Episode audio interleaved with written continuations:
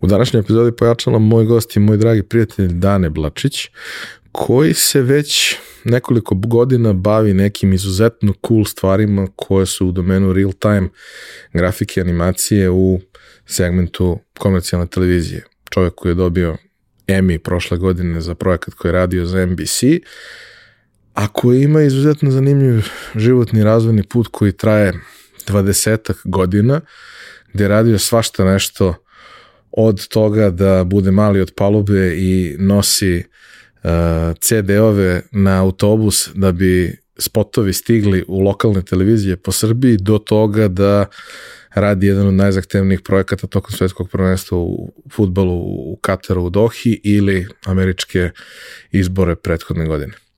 Kako izgleda taj put i šta se sve tu dešavalo, ali i kako ako sebe vidite u toj priči sa 3D-om, igrama i raznim nekim cool stvarima, mrdalicama, što mi volimo da kažemo, čućete u ovoj epizodi, siguran sam da će vam biti um, neobično, ali, ali veoma zanimljivo. Uživajte. Realizaciju pojačalo podcasta podržali su Epson je vodeći svetski proizvođač projektora i štampača kako za kućnu, tako i za poslovnu i profesionalnu upotrebu. EcoTank tehnologija donosi značajne uštede za korisnike u superioran kvalitet otiska, a količina otpada smanjuje se za preko 90%. Za više informacije o aktualnim modelima i promocijama posjetite epson.rs ili zapratite Epson Srbija na Instagramu. Sa nama je i Orion Telekom, provider najbržeg optičkog interneta u Srbiji sa više od 3 decenije iskustva. Pored fantastičnih ponuda za fizička lica, poput optičkog interneta bez ugovorne obaveze, pažnjom bih vam skrenuo i na širok portfolio usluga za biznis korisnike. Orion nudi cloud infrastrukturu koja može da odgovori svim potrebama i izazovima sa kojima se kompanije sreću, kao što su modernizacija IT sistema, skalabilnost, optimizacija troškova, digitalna transformacija i implementacija inovativnih rešenja. Uz njihova cloud rešenja garantovane su vam vrhunske performanse, 24-časovna podrška stručnih lica kao i napredna sigurnosna rešenja. Za dodatne informacije pišite na biz.prodaja.oriontelekom.rs ili ih pozovite na 011 41 00 007. Odnedavno sam postao urednik i autor na portalu naše mreže. U pitanju je portal za preduzetnike gde možete pronaći mnogo zanimljivih i korisnih informacija o svim pitanjima koje muče vlasnike biznisa u Srbiji. Među autorima možete videti mnogi od mojih gostiju iz prethodnih epizoda, pa topla preporuka da posetite naša mreža.rs. Za slučaj da želite da nas podržite vi individualno, uh, možete da posetite link u opisu podcasta na platformi Buy Me a Coffee i tu možete kupiti mesečnu pretplatu ili jednokratno donirati neki jednost koji želite. Hvala vam unapred na tom. E pa dobro ti meni došao. Bolje te našao, brate. Danas ćemo pričamo o raznim nekim čudnim stvarima koje si ti radio u prethodnih 20 godina, ovaj, ali pošto je u tvom slučaju to sad mnogo zanimljivo i šareno i mrda se sve i trči po ekranu i tako dalje, jel bi mogo ti ukratko samo da mi kažeš čime se ti sad baviš? Da ne znam. Ove, šalom na stranu. Trenutno imam dva startupa. Jedan se bavi augmented reality grafikom za trenažni proces praktično. U basketu ove, postavljamo neke holograme koji trebaju da pomognu deci da vide praktično prepreke, to je drugi igrači ispred sebe, a drugo je talent pool koji se jednim partnerom iz Londona razvijam zato što nemamo dovoljno ljudi s kojima možemo da radimo. Eto, to su dva trenutno projekta na kojima radim. Nije ništa ono fancy što sam brda, što će se vidjeti ovaj, na TV-u, ali... Dobro, to je trenutno. E sad, ovaj, kao i sa svim gostima, ajde da krenemo redom ovaj, genezu bolesti. Naše čuveno mančmelo pitanje kao prvo pitanje uvijek, šta si teo budeš kad porasteš? Prate, pilot. Neko uniformisan lice, definitivno. Pilot, to mi je bilo od uvijek zanimljivo, volao sam da, da letim, do duše, a pazi, znaš šta je najzanimljivije? Plašam se visine užasno. Ali se plašim visine ono, na otvorenom, praktično. Ovaj, da, pilot. To je, to je bilo to u principu. Kako se to menjalo kad si bio mali? Šta te interesovalo? Uf. Ja, brate, ne znam. Pazi, mogu da krenem da ti pričam od 99. godine i zašto je to pilot baš došlo tad do... Pre toga mogu ti reći da se ne sjećam. Možda imam neku demenciju jebenika. ovaj, naravno, bombardovanje i kao svi, ono, hoćemo da nanu naninu ovima što nas bombarduju. Ja uzao da igram neki trenažer, nešto, letim sa nekim migovima, 21. I ovaj, skapiram da ja u stvari želim da naučim kako se pravi taj trenažer da bi možda mogu da pomogne našoj vojsci da, da bude bolja sledeći put, ako bude bilo sledeći puta, a znam se da će da ga bude, znaš, mislim, ajde ne prizivam. Ovaj, igrom slučajeva društvo iz kraja, iz 21. bloka, ko, s kojim se se nešto zgotivio, jer smo menjali MP3-eve, ono, na CD-ovi, nisu tada još bili CD-ovi, bili su one male diskete. Ovaj, I onda smo razmenjivali MP3-eve, E, prolazimo jedan dan pored prozora iza desete Beogradske gimnazije i ja u prozoru vidim nešto jako zanimljivo. Neki 3D karakter se okreće. Ja pitam to društvo, šta je ovo, ko je ovo? I oni mi kažu, to je Dušan Vlatković, naš kao drugar tu iz bloka, koji je inače kvadriplegičar, ovaj, koji je ostao nepokretan od vrata na dole, ima samo mal, malu mogućnost da pokreće i levu i desnu ruku I on se bavi nečime što se zove animacija, 3D animacija u softveru koji se zove Maja. Znači to je 99. tako nešto. Ja odlazim, ili 2000, ne 2000. Odlazim na pijacu iza Skrca, nedeljom je bila pijaca onih CD-ova, ploča i ne znam čega sve. Tražim Maju, ne uspevam da nađem Maju, ali nađem 3D Studio Max 4.5. I kao klinac, ne znam, engleski. Znao sam nešto ono što smo učili Ben and David. kao ne mogu da koristim help čoveče, znaš, totalno sam beskorisan, vidi tamo neke slike, ništa ne razumem. I sasvim slučajno od Nuska Darlije ja naletim na mikroknjigi na radnju u izlogu imala knjigu 3D Studio Max 4,5, 1000 dinče koštala. Brate, 1000 dinara, znači ono može da se hraniš 3 meseca bukvalno tada. Ikea po pizdi i uglavnom posle jedno tri meseca je uspela da skupi ti 1000 dinara da mi da, da kupim knjigu i onako prilično lepo zapretila da ako se zajebavam neće sutra da me bude. Ovaj, krenuti ja tako da učim 3D Studio Max, međutim, nisam ništa ono, radio sam čisto za sebe, pravio neke animacijice. Tad render time je bio beskonačno. Da, bukvalno. I onda se skapirao da u istom tom nekom trenutku razvijala se animacija imao si onaj studio Pixel, imao si, kako se zvala ova akademija, bože, Ka, ni Kairon. Kairon. Kairon. Ovaj, tu su bili neki ljudi koji su radili sa te animirane spotove za televizije, za Coca-Cola u fazonu. Ono. A ja nisam imao post, predstavu da oni postoje. I uglavnom razvio se ja tu u svom malom, ovaj, u ta četiri zida, kako se znao i kako sam umeo. Ovaj, usput prvi posao koji mi je bio plaćen je bilo ono, kafić, brate služiš, Einzer, cepaj mile. Ove, zašto mi ne bilo da zavisim od Kevija Čaleta da, ono, kupim patike, brate. Višu si u pocepanim patikama i tako. Ovaj, to mi, to mi se smučilo, onda sam krenuo da radim 2003. u, u kafiću jednom u, u ovaj, kako se zove, Nušićevo, Nušićeva uh -huh. ulica. To je trebalo, boga mi je dobrih jedno dve, dve i po godina, to je bilo zlatno, zlatan period izlaženja, brate. Da klinicu daš kintu i otvoriš mu sva vrata svih klubova, zato što je ekipa koja kod nas čuvala vrata, čuvala je i, ne znam, F6 je bilo tad. Tako da se ne izlazilo lepo. ono, Keva testirala, brate, mokraću da se drogirao. A nisam se drogirao, znaš. Samo si bio da, blesav. Samo blesav, da. Ovaj, igram slučajeva, drugarica, moja najbolja sada kuma, krene na fakultet sa jednom prilično zanimljivom ženskom osobom, čiji muž se ispostavlja da radi to što ja radim, da se bavi 3D grafikom i konkretno animacijom.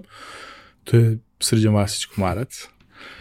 Ovaj, I sad spojao njih dve nas dvojicu, on je bio lud kao struja, brate. Njega nije bilo više nego što ga je bilo, ja mislim, u toj kancelariji. Bili smo u Cetinskoj, ne znam koji broj sad, negde na petu spratu bez lifta i onda sam, pa dobrih jedno šest meseci, išao po burek i Coca-Cola i nosio CD-ove na, na ovu autobusku stanicu, odnosno CD-ovi beta kasete nosio. I to je trajalo tako tih nekih šest meseci i posle toga sam našao prvi ovaj, plaćeni posao kod mog sada kuma, odnosno ja sam uvenčani kum, Ivana u firmi Advert Out. Ne znam, ovo pre, možda preširoko, brate, šta misliš? Nije, nije. nije. Ali, znaš, kao, ajde da stavimo ljudima u kontekst sve te stvari. Da. Znači, uh, pričamo o kraju 90-ih, početku, početku 2000-ih. Znači, generalno i to interneta što postoji, to je u principu na kapljicu i ne možeš ti tu bog zna šta ni da skineš, ni da nađeš, niti postoji nešto previše resursa. Na, brate, ja sam imao tu sreću da sam imao otključan drugar moj njihov kućni prijatelj je bio uh, čovek, sad ja tačno ime i prezime ne znam tog čoveka, da li još uvijek postoji ta firma, UBC.net. Uh -huh. Ja dobijem broj telefona, odnosno tri broja telefona koje mogu da pozovem po dana po noći, da se moj modem zakače na to i dobijem neograničeno mnogo po brzini od 25 kilobita. Tako nešto je bilo. Imao sam do duše dvojnika, vrate. To je zanimljiva priča. Dvojnik koji je lupao, odnosno napravili smo na kraju naš ovaj, tajni jezik da on kad mu treba telefon lupi u radijator sa nečime, razumiješ, da mu ja oslobodnu liniju. Ja sam non bio na netu. Ovaj, da, i tako da sam imao non stop dostup, dostupan net. Koristio sam ga, da su to bilo one kartice, seća se toga, brate. Dobro. Sećam se svega. Sve sam ja to prošao, samo što, to. znaš, i taj moment kad kažeš imao si neograničen pristup, imao si neograničen pristup u smislu broja sati, a ti ne da. možeš, bog zna šta da skineš. Pa vidi, javio se ovaj čovjek jednom tom, dru, odnosno drugarom Čaletu i rekao, alo, jeste vi normalni, ono, u fuzonu, brate, potrošili ste, znate, koliko me koštate, znači, vi ste mi ubedljivo najveći korisnik interneta da im odladite malo, znaš, tako da... Ja se sećam da kad je... Da fin kad je SBB pustio prvi put kablovski 64 kroz 64, pa posle 128 kroz 128, da sam ja prvog, drugog, trećeg meseca bio na tipa 98% teorijskog maksimuma. Si bio na hubu, brate? Jesam, na DC++, jer je Šta bilo duplo brže. Kidalo sunce. I to jednostavno, ono, prvi put imaš mogućnost da to ne predstavlja problem ni za račun ni za bilo šta, mada oni jesu uveli da. posle onaj smin koji je smanjivo račune, nije, nije bio veliki trošak biti na internetu što se tiče telefona, ali jednostavno sve je presporo i nestabilno. Ti uzmeš da skidaš nešto od 50 megabajta i to pukne na 35 i ti se slikaš i celu noć ponovo provediš. Onda sve ratori, brate. A ovde je to jednostavno radilo mnogo brže i stabilnije i lokalu je bilo duplo brže što je u tom trenutku delovalo neverovatno brzo, sad deluje besmisleno. Ovaj, to, pa onda one, onaj period kad su operateri pustili internet, mobilni operateri bez merenja, bez ičega, pa su ljudi, ljudi skidali da. sa edge neke beskonačne količine podataka. Jer kao jeste sporo, ali radi i nema razloga da, da bilo šta tu ovaj, da bilo šta tu štediš. Ali o, taj uh, boravak kod uh, Srđana, znači, ja se sećam stvari koje on radio još sa kraja 90-ih. I okej, okay, tu je bilo i, i gomila reklama, i gomila spotova i sličnih stvari. Bilo je nekoliko ekipa koji su u tom trenutku nešto radili i danas ih ima nekoliko da. velikih, a ima gomila sad malih, jer sada je to postalo, postao resurs koji, koji je dostupan, tada je sve to bilo problematično, ali to su bukvalno neke prve lokalne priče gde ti vidiš neku simpatičnu animiranu reklamu i ono što je meni tu bilo uvek fascinantno uh, kod, kod radova koji su dolazili od njega i još par ljudi je što uh, bilo je zanimljivo. Nije samo stvar bilo, mislim, bilo šta što se pomera na ekranu i animirano je wow ali ovde je uvek bio zanimljiv storytelling, uvek je bila neka fora, uvek je bilo nešto, uvek je bila dobra muzika, zvuk ukomponovan sa svim tim da. i ceo paket je bio, znaš, 30% bolji nego samo da je to izašlo. Apropo zvuka, Dejan Košanin od samog početka sa njim, brate. Oni cepaju to i verujem da još uvijek radi. Kako je to tebi um, bilo tamo? Pazi, meni tad, sad, uh, zašto su njegovi spotovi bili specifični? Jeste zato što nisi imao rez, brate to možemo da vratimo sad sve te videe, to je nešto što sam ja pokušavao da provalim kod njega, brate, kako ga izrežiraš, kako ga spojiš u glavi, da sad ja treba da prođem kroz ovo, da bi izvukao ovo, da bi se pokazalo nešto totalno deseto, razumeš? Sad posle, meni je trebalo, znači ja sam krenuo da radim sa njima opet od 2008. do 2010. Tada je trenutak kad sam to uspio da ukačem znači nekih 3-4 godine kasnije. Zašto je sve to tako bilo pitko i lepo i razigrano? A kako ti je bilo kad si tek došao i ono, pa, ok, ti si IT po pivo, ali šta još, ono, šta si video u svemu tome? Pa kao, nisam mogao da se snađe, bukvalno. I onda ništa mi nisu ni davali da radim, osim da nosim burek i, i Coca-Cola. Tako da, Ali ovaj, značilo je to neko iskustvo uh, u smislu kako funkcioniše projekat od početka do kraja. Iako ga ja nisam stvarao, skapirao sam kako ide produkcija od sastanka s klijentom, pa sve dok ti ne pošalješ tu beta kasetu ili CD. Ali Znaš, taj moment da ti ono, da je deo tvoj, tvojih obaveza no. da ideš na autobusku. O, brate, znaš kako sam lepo naplaćivao bio ovaj, da li Full House, ne znam šta je bilo. Znači, oni imaju brdo spotova koji dođu od strane, ne znam, Sarantis ili tako nekog klijenta koji treba da se prilagode na srpski jezik, da se nahuje i da, brate, to završi za pola sata i uzmeš ono 250-300 evra. To je bilo kao baš, baš ono, prelak novac i za jednu jako zanimljivu stvar. Ali taj moment da u suštini još uvek digitalna distribucija nije digitalna. Da. Nego podrazumeva autobus između. Da. Jer lokalne televizije po Srbiji nemaju opciju da to skinu nekim brzim internetom sa nekog FTP-a, nego očekuju Okačit ćemo da na FTP. Na, šta? Šta ti je to FTP, brate? Bukvalno je taj rad bio. Znaš. I onda moraš da im pošalješ to na nekom da. mediju. Znači, pa bilo je, bilo, vidi, bilo je takve situacije ne samo u Srbiji, nego bilo je između lupama. Imaš multinacionalku aj, SBB multinacionalka. Po pa, recimo, jeste. United jeste svakako. Šaljemo za total nešto u Bosnu, razumeš, nahovano u Crnu Goru, to sve ide autobusom, brate. Tako da... Kao ultimativni distributivni U, kanal. To mi je bio pakao, tad sećam, tad, nisam znao, brate, šta je field. Ono kao upper field, lower, lower field, progressive, šta, šta znači. Dobio sam da eksportujem sile neke video materijale za Total TV i kao fake it until you make it. I onda sam na kraju izbacio sve progresiv, rekao.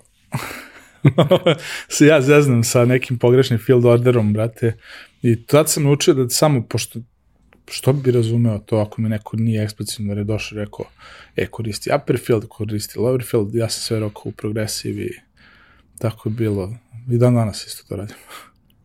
Dobro, mislim, pričamo o vremenu u kome ono, dobar deo stvari su polu analogne, poludigitalne, da. priručno funkcionišu za većinu stvari, ono, ni nemaš nekakav standard posebno na lokalu, šta im dostaviš, oni će da puste, kako će to da izgleda, mm, nije važno, a lokalni program je jak prilično u celoj zemlji. Ali imaš ti nekoga možda sa IDJ-a?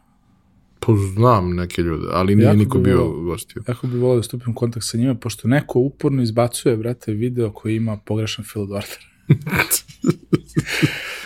Vidi, ja igram slučaj non stop nam upaljen na IDJ zbog, zbog čerkica, znaš. I onda prvo, uh, sam zvuk je jedno 10 decibela više nego što bi trebalo da bude, nije upaljen kao ostatak programa, a drugo, sve field order. I onda ono secka nešto se, baš, baš grozno, grozno za gledanje, brate. Tako da bi volio da ih iscijam da, da to, ako neko sluša iz IDJ-a, molim vas, ispravite te stvari. E, da objasni šta je u pitanju za ljude koji ne znaju. Ovaj, imaju te neki kviz gde moraš pogodiš recimo gde se krije pile između kojih čaša i sada zbog čega, ja ne znam, brate, zašto su oni krenuli da rade praktično interle sliku, da šalju polu sliku, to je znači upper field je recimo ovo, lower field je ovo i onda u nekom vremenskom razmaku od recimo jednog herca ti dobiješ taj drugi field. Kao ne da rešetka. Da A? Pa kao rešetka, rešetka, moramo da, objasniti da, onima koji samo slušaju e, da to... I sada, šta je neko uradio? Neko je poslao kontrafield tako da je dobio praktično 4 Hz smicanje da to jedna ne paše na drugo, razumeš? Nije samo kontra, nego je ozbiljan razmak između sada ta dva češlja koje trebaju da se upašu i dolazi do nečega što nije gledljivo. Odnosno, skoro niko ne vidi da. problem sa tim, ne, ali vidi, ti imaš problem. O, ovo se vidi. Ovo, ovo je baš specifično, baš se vidi, verujem.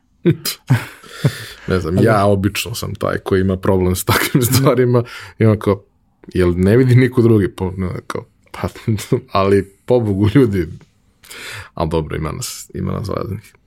A, šta ti je bio taj prvi posao? Kod komarca? Ne, ovo pre toga. A...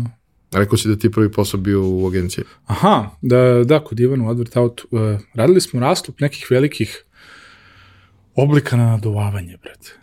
Vidi, deluje trivialno, ali uopšte nije naivno da se, da se to razvije, da se razbije. Na kraju on je imao nekog ovaj, dečka Aleksu, kada ne mogu da setim Aleksinog prezimena, da li je išao na Akademiju lepih umetnosti, koji uspio, recimo, radili smo za Telenor one A, ne znam da se vidio ogromne maskote kao koje drže mikrofon. Brate, to rasklopiti, da ti to kada naduvaš, ispadne taj oblik, to je pakao. Uglavnom, eto, te stvari smo radili. I bilo je jako zanimljivo. Ovaj, moj poslednji projekat je bio Globus za, za dane Beograda, koji je visio na Slaviji. Ne znam da se sećaš toga, kada je odleteo. Mm. Gleda Ivan prognozu i priča sa gradom Beogradom. Ljudi dolazi u Luje za tri dana, daj da ga sklonimo, razumeš? I ovi, ne, dolazi na delegacija za dva dana, mora da ostane. I ova delegacija okasnila nešto, ušli oni u treći dan, Ivan kaže, ljudi, odneće vam celu infrastrukturu i trole i tramvaje, sve sa Slavije, moramo da ga skinemo. Jer, pazi, to je, brate, to je, ne znam, suiter na, na, na helium, bra, koji... Dosta veliko malo, jedro. Da, veliko jedro. Jedno jutro, neko ga zove i on se nešto spaniči i srčava na prozor i gleda ovako, rekao, šta je bio, kaže, odletao je. To, taj, to jutro. Vrate, i na kraju smo ga snimili da je Ivanov Čale krenuo da ga juri kolima. Na kraju taj globus završio negde u Starčevu, dok su ga oni našli, seljaci su ga već istranžirali, vrate, u ciradu za drva, posteri. da, za posteri. Aj, bože. E, to je bio, recimo, zanimljiv projekat. Ne znam da si ukačio to. Uh, ne znam kako se zvao dečko, preklopio je mapu uh, sveta sa mapom Novog Beograda i Beograda generalno. Dobro. Pokazat ću ti to. Ove, jako zanimljivo, recimo, United States se poklapa sa blokovima novobeogradskim, lupom gde ti je ova Marinko Bara tu ti Indija, tako, možda izvuči brdo nekih korelacija. Jako zanimljiv projekat bio. I od Ivana ja odlazim u Moskito, ne, u stvari izvini, krećem da radim za jednu multinacionalnu Armstrong Building Products, ove, ispuštene plafone, krećemo da radimo interijer, renderovanje interijera da bi se prodao plafon i tako dalje. I sad ja koleginica Jelena ovaj, držimo celu Evropu praktično. On podelili se koji je njen deo, koji je moj deo, držimo celu Evropu, imamo neke silne team buildinge, uglavnom ulazimo u neku agoniju, razumeš, i napuštamo jako brzo tu firmu, prvo ona pa ja. Da, šta se to među vremenom? Kao arhitektonske vizualizacije ba, da, na bazičnom da. nekom nivou. A pazi, to je već neka 2009. dolazi, brate, kreće Bitcoin, znaš. Ali ajde doći do toga, to je bilo jako zanimljivo. Ovaj, sad ja sa plate fazu nekih 1000 dolara, tada to je bilo nekih 730, 750 evra, ja odlazim kod komarca, rekao, mogu ja da dođem kod tebe za salno? Kao, možeš, brate. Kao, koliko platu možda mi daš? Kaže, 250 evra. rekao, može, brate, dolazim. Tako da organizuo sam ovam u firmi bio ovaj, ono, testove za prijem novih praktično članova tima i našao dve zanimljive osobe, pokupio se i otišao, znaš. To mi prvi put da sam praktično zatvorio dupetom vrata. Ali kod komarca bilo top. Sveća se neki prvih projekata je bio nešto za Zekstru. Je bilo tu i sa Vojan Žanetićem. Ja, radili smo dosta za mozaik, brate. Mm. ne znam koliko smem da budem fin, ali vulgaran. Slobodno. Neću, moram da budem fin. Ovaj, komarac ode sa ženom u New York nešto. Zašto, šta, kako, ne pojmo, da se provedu ono. Vjerojatno neki Christmas market ili tako nešto. Ovo neko vreme bilo. Mi smo imali spot za Ružicu Golubović, direktorku marketinga Biohemije Inhem, brate. To mi je ostalo urezano, znači ta rečenica ja sam čuo zelion puta. Ovaj... Znači trauma, dobro. da, brate pet noći nespavanja, dolazi Voja Žanetić, ja i Đole, tada kolega, ovaj, Đole Toks Milašinović, Toks uh, DJ, drum and bass DJ, ne znam, možda poznat nekim od tvojih ovaj, pratilaca, gledalaca, slušalaca.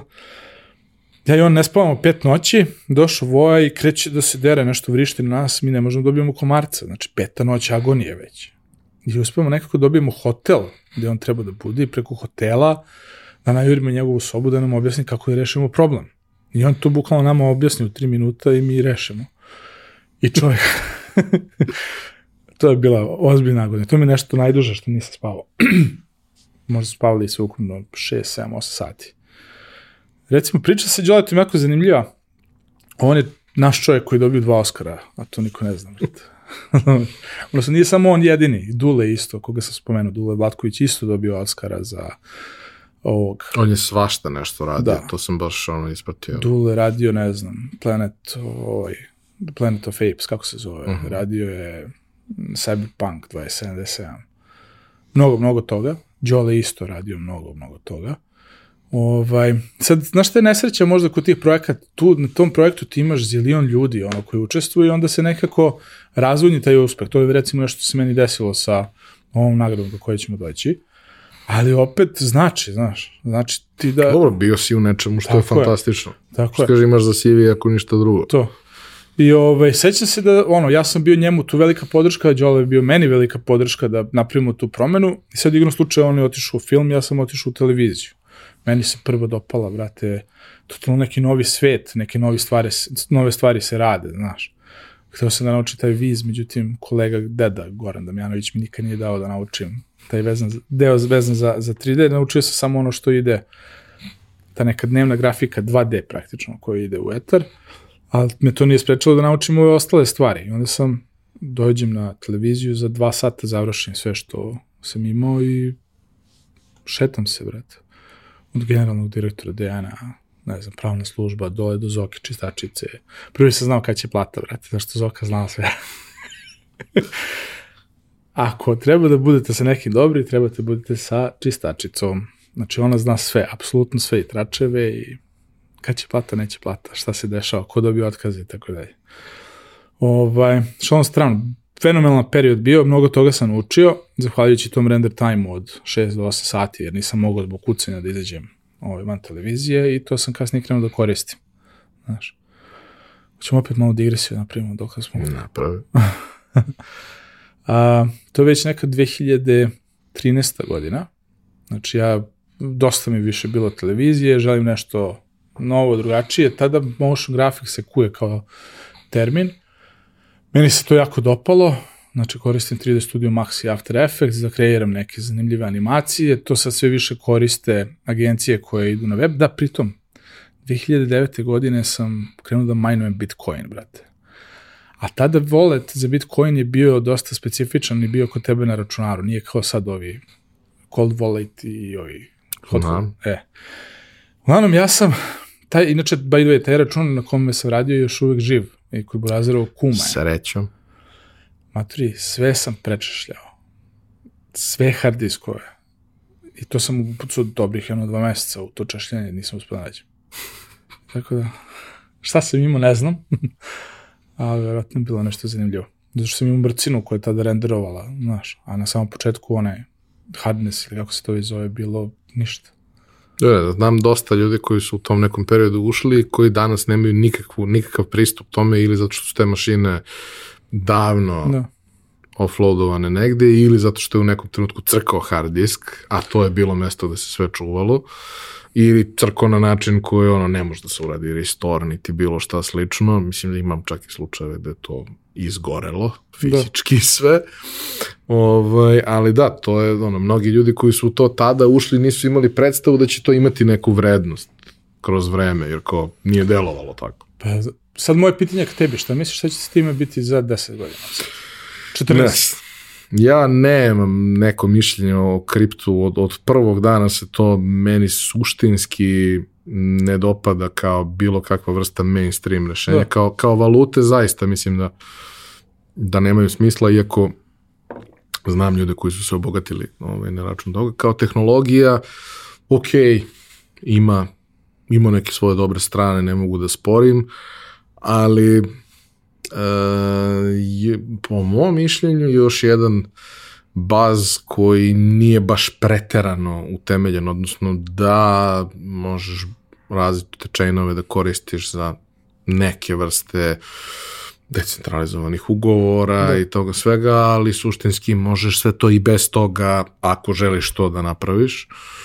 Tako da, i pritom imam taj jedan problem što ja se fenomenološki bavim time, nikad nisam bio investiran u to, dosta mi je bitno da mogu nezavisno to da gledam, da, da nije u pitanju nekakav moj novac Da. tu. I ono što ja vidim kao veliki problem, sa čim se neki slažu, neki se ne slažu, ali ovi što se slažu su malo stručniji, pa mi se čini da sam na dobrom tragu, to je što je u mnogim slučajevima ta decentralizacija, zapravo samo prividna decentralizacija, zapravo je to prilično centralizovano. I onda, šta je onda cilj i poenta? Znači, ako ne dobijaš ni to u celom procesu, da. šta dobijaš? dobiješ da možeš da staviš buzzword u, u, u naziv svog startupa, biznisa, opis ili nešto slično. Pa dobro, proći će. Znaš, kao što ceo hype sa, sa NFT-evima, ja vidim upotrebnu vrednost Da. NFT-a za gomilu nekih stvari, ali to nije ono zašto je korišćen, jer ono zašto je korišćen je je meni balon, piramida brate, klasična. Da. Smešna piramida. Prosto mi je nevjerojatno kako ljudi nisu videli, brate, da će to da popuca jako brzo. Ljudi Nije misle, održivo, znaš. ljudi misle da su pametniji nego što jesu, znaš i sam to, mislim, Da. ono, 80% ljudi misli da bolje vozi od proseka. A ako živimo u Beogradu ili u Srbiji, jasno je Da. koliko je prosek onako niska jedna kategorija. Znači, mislim, to je ono, to su situacije u kojima zaista velika većina pristojnih ljudi koje ja znam jedino može da izgubi kontrolu u saobraćaju. Jer količina idiotskih situacija koja se dešava u saobraćaju je ono red veličine veća nego u bilo kojoj drugoj životnoj interakciji. Vidio sad ovo, ovaj device što su vjerojatno AliExpress. Imaš ovako šaku i možeš da rukovodiš koji ćeš praktično, da li ćeš ovo ili ćeš, šta ćeš, imaš daljinski tri praktično znaka, možeš, možeš ovo, možeš ovo i možeš ono treće. Na zadnje strane ko se stavi. Ja, možeš sa, sam, sa strane na zadnje, da ću. Vidio sam, vidio sam. Mislim, znaš, Ovaj, da se vratimo na, na, na ovo moje.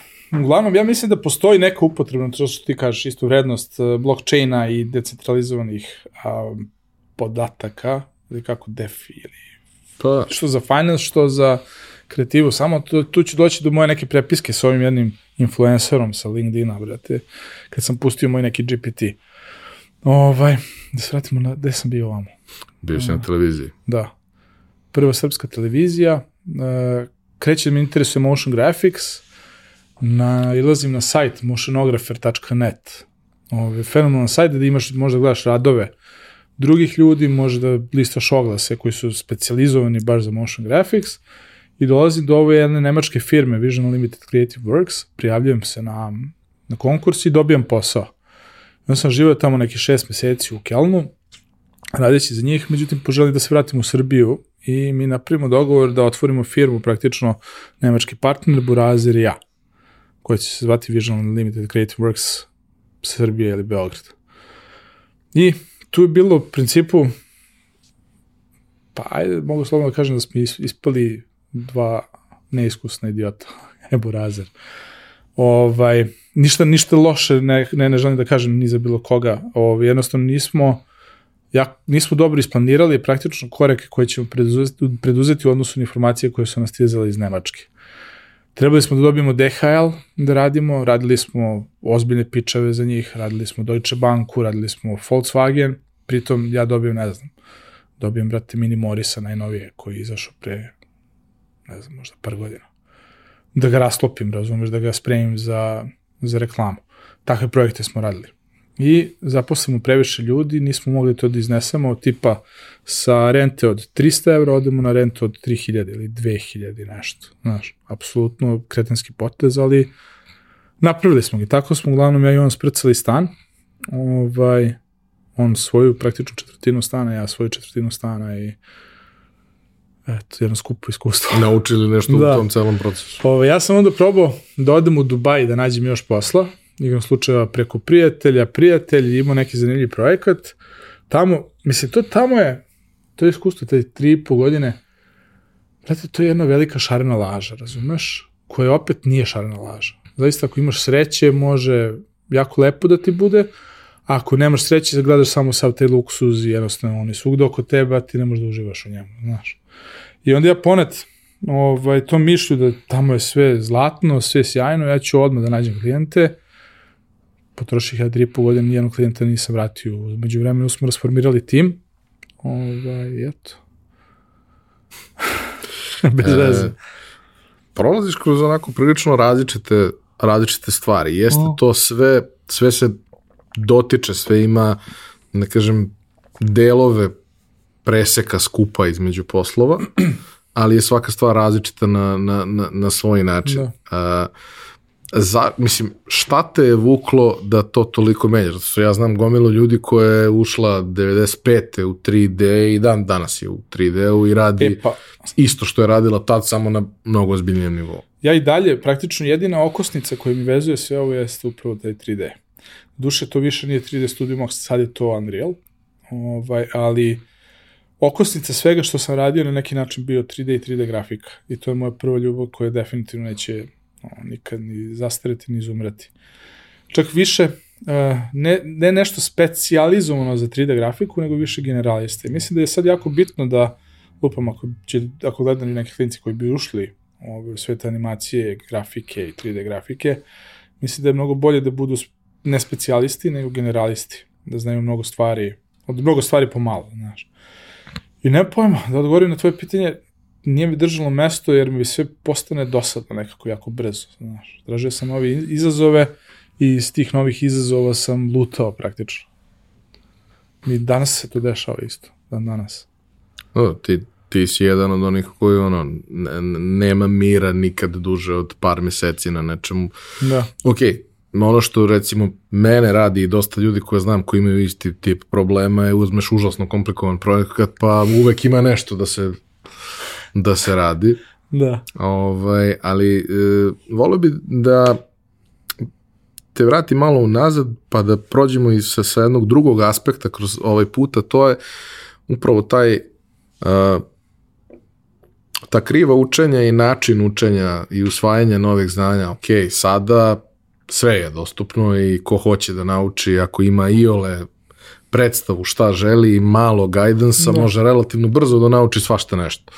U trenutku kad si ti počinjao, u principu nisi mogao naučiš nikad ništa ako nemaš osobu koja to već zna, a ako imaš osobu koja zna, ograničen si na to da najdalje što možeš da stigneš je to koliko ona zna. Što obično nije bilo previše. Pazi, u samom početku čak i to znači. To nije previše, Naravno, to su ti godine daleko, brate. Preskočiš gomilu stvari na početku koje jesu problematične, ali kako je to kod tebe išlo? Pazi, kod mene, recimo na mene komarac ostavio ozbiljno puno ovaj, utici i mnogo me naučio. Prvo što se tiče kreativnog razmišljenja, kako, kako uopšte čovjek dođe do ideje za spot koji treba da realizuje ili napravi. On dobije neki input od strane klijenta, ali taj kreativni proces u njegovoj glavi, to sam želeo da naučim kako. I uglavnom, moj, moje pitanje ka njemu je bilo direktno, kako, brate, kako sad ovo što si nacrtao na, white, na whiteboardu, kako ti je došlo, kako si ga video? Želim da imam istu tu, ono, sposobnost koja mi delovala kao, ne znam, neka, ono, kako se to kaže ovi, junaci, kako se zove bre? Ne znam, ali zvuči kao proviđenje, E, epifanija. I on kaže, bukvalno, šta sam radio, gledao sam reklamne spotove. I gledaš reklamne spotove, i gledaš reklamne spotove i na kraju, kad više nemaš šta da ogledaš, ti imaćeš vizualno svo to znanje praktično u svojoj glavi i kada ti dođe problem koji trebaš da rešiš ili neki deo scenarija koji trebaš da pokriješ sa nečim vizualnim, tebi će se to samo kasti. To je bilo tačno. Ne znam, mi smo, bukvalno svaki petak smo sedeli i gledali kao sumanuti, bio je stash ovaj, e, biblioteka, odnosno časopis neki, biblioteka CD-ova, gde su izlazili jednomesečno poslednji animirani ono, spotovi koji su dobijali nagrade. I onda smo mi Kao što to- su reklamoždari bili za ono E, mass Pa to, population. brate, dve, dv, uspao sam dva puta reklamoždere od početka do kraja da centru. Meni je to bilo uvek ono super iskustvo, koliko god da ima stvari koje se ponavljaju i dalje je genijalno. Da. Ne znam da postoji, ne postoji. Mislim više. da ne postoji više, zato što realno ti sad to sve možda nađeš na YouTube-u, Pa a u da. tom trenutku nisi apsolutno imao gde. Da. To je bilo prozor u svet. Šta se Bukvalno. te godine radilo? I tu sećam, prve godine nisu bile uh, cenzurisane reklame, druge, druge godine su bile cenzurisane. Što je bilo totalno absurdno. Ne? Ali bio je i onaj moment kad su podelili program na nekoliko delova i onda Da. na početku je light, posle bude malo tvrđi. Da. Ostaneš Ali do... to mi, je, to mi je bilo super zato što kao, znaš, mi, mi smo svi to, dok nismo skapirali da iza toga stoji ono licenca, mi smo svi mislili kao, eto, to se neko igra pa je skupio, pa opon. Ne, neko, brate, imaš... Prve godine to nešto bio sa... Sakan izlazio na binu, nešto se dešavalo, ne znam šta je bilo to, vjerojatno neke nagrade, ne mogu se setiti tačno. Ja sam mislio da je bilo nešto vezano za to, ali znači bio format. Da, da, da, to je Licenca. nešto francuska licenca, mislim. Ali svakako za sve nas Da, izvor znanja, enciklopedija, brate, Britanika. I ja stvarno mislim ta, ta, da taj moment ovaj, što, što često ljudi ne kapiraju kao to kreativnost, kreativnost na zahtev, to je samo kombinovanje već viđenih stvari na malo drugačiji način, Da. gotovo uvek. Pa rekao je Komarac u nekom trenutku, da li javno ili meni u fazonu, on nije da krade, razumeš, nego samo pametno kopira stvari koje je već video. Kao i Ali svi ostali. tom kombinacijom do, dobije totalno nešto što niko nikad nije video, znaš, što je skroz okej. Tako da, uglavnom skapiram ti ja tu, pored toga što sam skapirao kako pravite stvari u svojoj glavi, uspeo sam da ovaj, pohvatam recimo shortcutove u After Effectsu, brate. To je mašina koja, ne znam, treba da vidiš, sedneš da si da vidiš, brate. ovaj, i onda sam sedu iza njega gledao jedno mesec dana shortcutovi kako radiš što u After Effectsu i uspeo sam da naučim After Effects. Mnogo je drugačije kada ti sediš zaista pored nekoga, čak i da ne prozbori sa tobom. Gledaš šta radi, kako radi, učeš nove funkcije, nove opcije. Mnogo je drugačije nego kada si kod kuće i sad imaš svoj zadatak, treba da napravim. Pritom lakše mnogo kad imaš projekat koji moraš da završiš, ali je još deset puta lakše kada neko drugi radi na tom projektu i ti gledaš uživo šta ta, taj neko radi. Tako da... A Tako posle, sam. A posle dođeš opet u situaciju, koliko god apsurdno zvučalo ili ne, e, mi recimo sad sa Unreal Engine-om, 90, 2019. godine ja osetim nešto što će da se desi, znaš, buhano, one slike i ono, verovatno sam u tim ove, situacijama neki ozbiljan pesimista i ovaj, nisam opti- optimista da će sve biti lepo i da će nas, to, to će nas zaobići. Ove, krenem da pripremam studio, praktično dve stvari. Jedno je da svako može da se konektuje od 20 ljudi koliko je u tom trenutku u studiju, da može da se konektuje na računar u studiju, da bi moglo da radi, u slučaju da moramo da, radimo od kuće. I tu ovaj, Orion Telekom ispada, stvarno su ispadi kraljevi u tom trenutku, dali su mi VPN za nešto tipa 6000 dinara za tih 20 ljudi i 20 ljudi imalo ne, nesmetan, nesmetanu konekciju koja je bila strava do tih računara koji su bili u kancu. I tako smo radili, bili za wireless mediju, postavku kurir televizije. I uglavnom, u tom nekom trenutku uh, rekao, gotovo više sa render time-om mora da se prebacuje na Unreal sve. Vreme za Unreal dolazi, nekako sam ga osetio, ne znam, ne znam da ti objasnim kako. Od uvek smo mi želeli da imamo još i, ne znam, 2010 ili 2000 da imamo to jedno klik rešenja da ti ono stisneš dugme da to, to je gotovo, znaš. Stvoriti se izrenderovan video od 10-20 sekundi, minut. Ovaj, tu taj potencijal sam vidio u Unreal Engine-u i krenuo da prebacujem pipeline od studija na Unreal. Međutim, do trenutka kad sam ga ja završio, nikog više nije bilo u studiju. Nismo dovoljno dobro radili business development i morali smo da se ugasimo. Sad, je to- je bilo super za ove neke druge stvari, druge projekte, to znanje koje sam ja prikupio praktično ovaj, ubaci, ubacujući Unreal u, u pipeline. I eto, da ćemo na digresiju napravimo opet malo. Napravi Ovaj, digresiju. A, znači, definitivno nikad ne naučiš da, ne, nikad ne završiš sa učenjem. Uvek ima nešto novo. Od toga Unreala sada sam došao do veštačke inteligencije. Pokušavam da skapiram nešto što po svojoj prilici ću jako brzo digne ruke, jer matori ne može da stigneš sve. To se toliko brzo razvija da to apsolutno nema smisla niti da pratiš.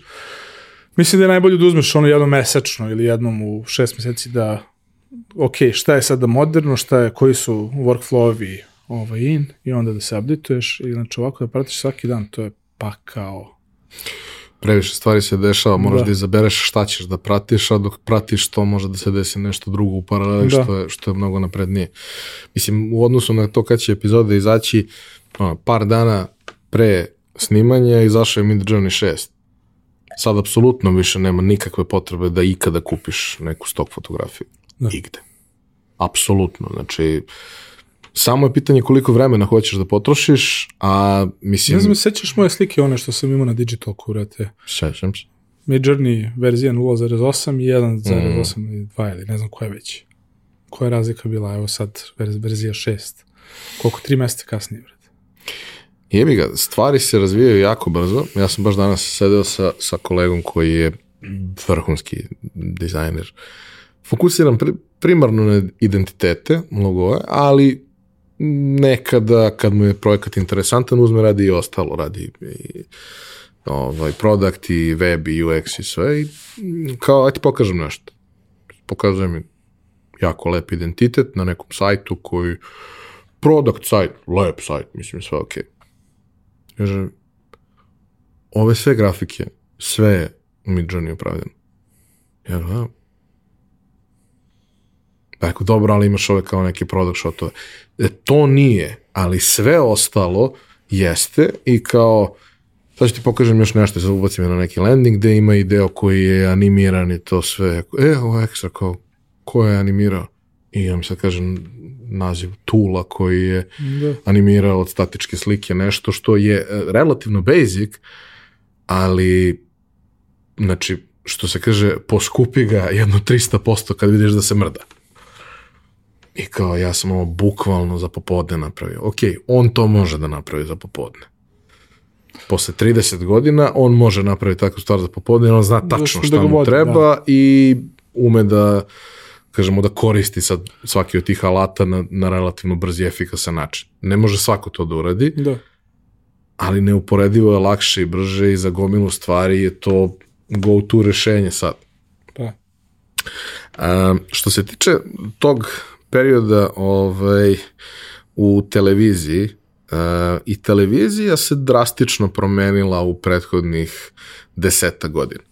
Od onoga kad smo videli prve virtualne studije pre deseta godina gde je to stvarno izgledalo, mislim, nama je izgledalo wow, sad kad vidim to stvarno je strašno. Da. da. Ovaj, do toga da sada to izgleda kao potpuno prirodna stvar koja ne možeš čak ni da vidiš, ono, ja, ja sam uvek imao taj moment, pošto sam malo bolestan, ja vidim da je green screen po ono, ocijajima na, na ljudima, na garderobi, na, više ništa od toga, nigde ne možeš da primetiš. Možeš ako koristiš neku jeftiniju opremu, znaš, ako koristiš nešto što ne košta 20.000 po kameri. Nešto što nego... je dve generacije starije. Da. A, ovaj... šta ste vi tu, mislim, šta su bile stvari koje si ti tu postavljao, kako je to funkcionisalo, kao volao bi da znam kako izgleda proces nastajanja nečeg takvog. Trust mozgova se sastane da piše Ivan Ivanović, znaš. I nešto su se dohvatili Michelangela i, i one, nevog Davida ili šta već. I tada su da David ima cojones. Dođu kod Dane, te Dane napravi, Dane napravi, brate. Svi popadaju to ide da to. Tako izgledala ovaj, šalje se malo, malo sprednje, ali Ove, stvarno smo radili jako za, najzanimljivije stvari koje smo pravili su bile za Ivana Ivanović, najkreativnije, tu smo koristili, imali smo priliku da koristimo neke stvari koje ne možeš da koristiš u vestima, u nekim ono, specijalima i tako nešto. Ovaj, uh, koristili smo praktično tehnologije koje su bile ono, cutting edge i koje su koštale nešto, ali Bogu hvala, mogu, mogu si da nađeš krekovano, pa smo koristili krekovano stvari su se promenile sa dosta, jer apsolutno nemaš potrebu da koristiš krekovano bilo šta. To je ono što smo pričali pre neki dan. Sve ti je dostupno za neki simboličan novac, sve licence. Naočito ako si profesionalac. Da. Pa da. Pa ne, čak i da nisi profesionalac. Ja mislim da iznos od 100 dolara svako može da pokrije, brate, Da. Ima i dalje softvera koji su izuzetno skupi, ne znam, skoro sam baš se nešto bavio nekim ono, softverima za projektovanje i slično, da. to je jezivo i dalje, ali u ovom segmentu u kom mi sada pričamo, da. prvo dobar deo toga je free, Unreal a free. dosta ovih alata su dostupni sa nekom sa nekim subscriptionom da. koji nije, nije preskup. Pa pazi, uh, evo recimo, ne znam, uh, ajde da se vratimo, pro, krenemo možda od Foxa, brate. Ove, Fox televizija, odnosno Fox Sports, važi za nekoga ko zaista je na samom kraju, te, odnosno na cutting edge te tehnologije. Neko ko ne prati trendove, nego postavlja trendove. Jaše talas. Jaše, brate. I kreira. E, I oni su kreirali jedan novi talas, te neke 2019. 2020. godine. U duši imali su veliki udarac um, od strane filmske industrije, jer je mnogo ljudi otišlo sa televizije, otišlo u film, zato što film je morao da se, zat... ili ćeš da radiš u zatvorenom studiju, na LED voljumima, da koristiš Unreal Engine da bi bio na nekoj lokaciji, ili ćeš da zaključaš film na ne znam, dve godine, pa onda ono. Tako da masa njih je gledala tu da se snađe, masa produkcija i studija je to uspela, prevukli su ljudi iz broadcasta i onda je broadcast ostao da visi. Igrom slučajeva, ja se javljam na neki konkurs koji je Fox Sports imao i oni kreću, krenuli su u rekordnom roku u proceduru praktično ono, za, za vizu i sve to. Međutim, mi odlučujemo, pošto smo saznali da je žena trudna, odlučujemo da ćemo da ostanemo u Srbiji, ne idemo u Los Angeles. Pritom dobio sam uslove koji su boli lava, da pravim najnoviji studio praktično, koji je sad sa, ono, poslednja reč tehnike, znaš. To sam odbio i oni uglavnom imaju problem, ajde kako da nastavimo, sad je ovo novi problem koji ja donosim, kako da ga prebrodimo, tako što možda ja sa svojim studijom mogu da radim za, za njih. Pokušavamo da nađemo ovaj modus operandi da potpišemo ugovor bez osiguranja, međutim ne možemo. Njihov legal traži da se ima osiguranje na iznos za dobro izvršenje posla u iznosu od 2 miliona dolara. Nisam mogao da nađem, brate. Na, nijedno osiguranje to ne radi. Ovaj, pa sam onda gledao varijantu da otvorim u, u Americi firmu, ali treba minimum godinu dana da, da postoji, da ima neki promet po računu, pa bi mi dali osiguranje, pa bi mogao to da zatvorim, znaš. I uglavnom ništa, međutim šta je ostalo od teo cutting edge tehnologije, odnosno te tehnologije, ovaj, je ostao kontakt sa Zero Density, firma iz Turske, iz Izmira, koji zaista pravi sistem za Unreal Engine da ti ne vidiš to što si rekao, ne vidiš nikakve ono, obrise zelenog, vidiš refleksiju u kojoj god površini i Uglavnom, tu sam zbog samog posla sa Foxom stupio u kontakt sa njima i oni su bili u fazonu, e, e, krećemo da spremamo Katar i, i Middle East za, za svetsko prvenstvo, da li bi išao tamo da radiš neke treninge za nas? Rekao, što da ne, brate. I onda sam 2022. godinu četiri meseca proveo, dva, to, dva meseca sa, sam držao treninge u, u Dohi, dva meseca sam zaista radio na projektu ovaj, za najveću sportsku televiziju u, u arapskom svetu. I tako, korišćenje najnovije tehnologije koje je koštalo milione dolara, brate, da isproduciramo dva projekta, sada košta 50 dolara, nula. Vidi, svetsko prvenstvo u Kataru je prvo imalo gomilu nekih dodatnih mogućnosti koje nikad Da. da. ranije nisi vidio. Ok, svako svetsko prvenstvo je nekakav presek tehnologije do tada i, i, i pre, ne znam, i ono, HD prenosi, 4K prenosi sve Mi smo ostalo. imali jacu informaciju koja se teleportuje. Dobro, mi smo imali ovaj, ono bacanje lopte i Da. te neke stvari koje Ovaj. su bile zva- stvarno cringe.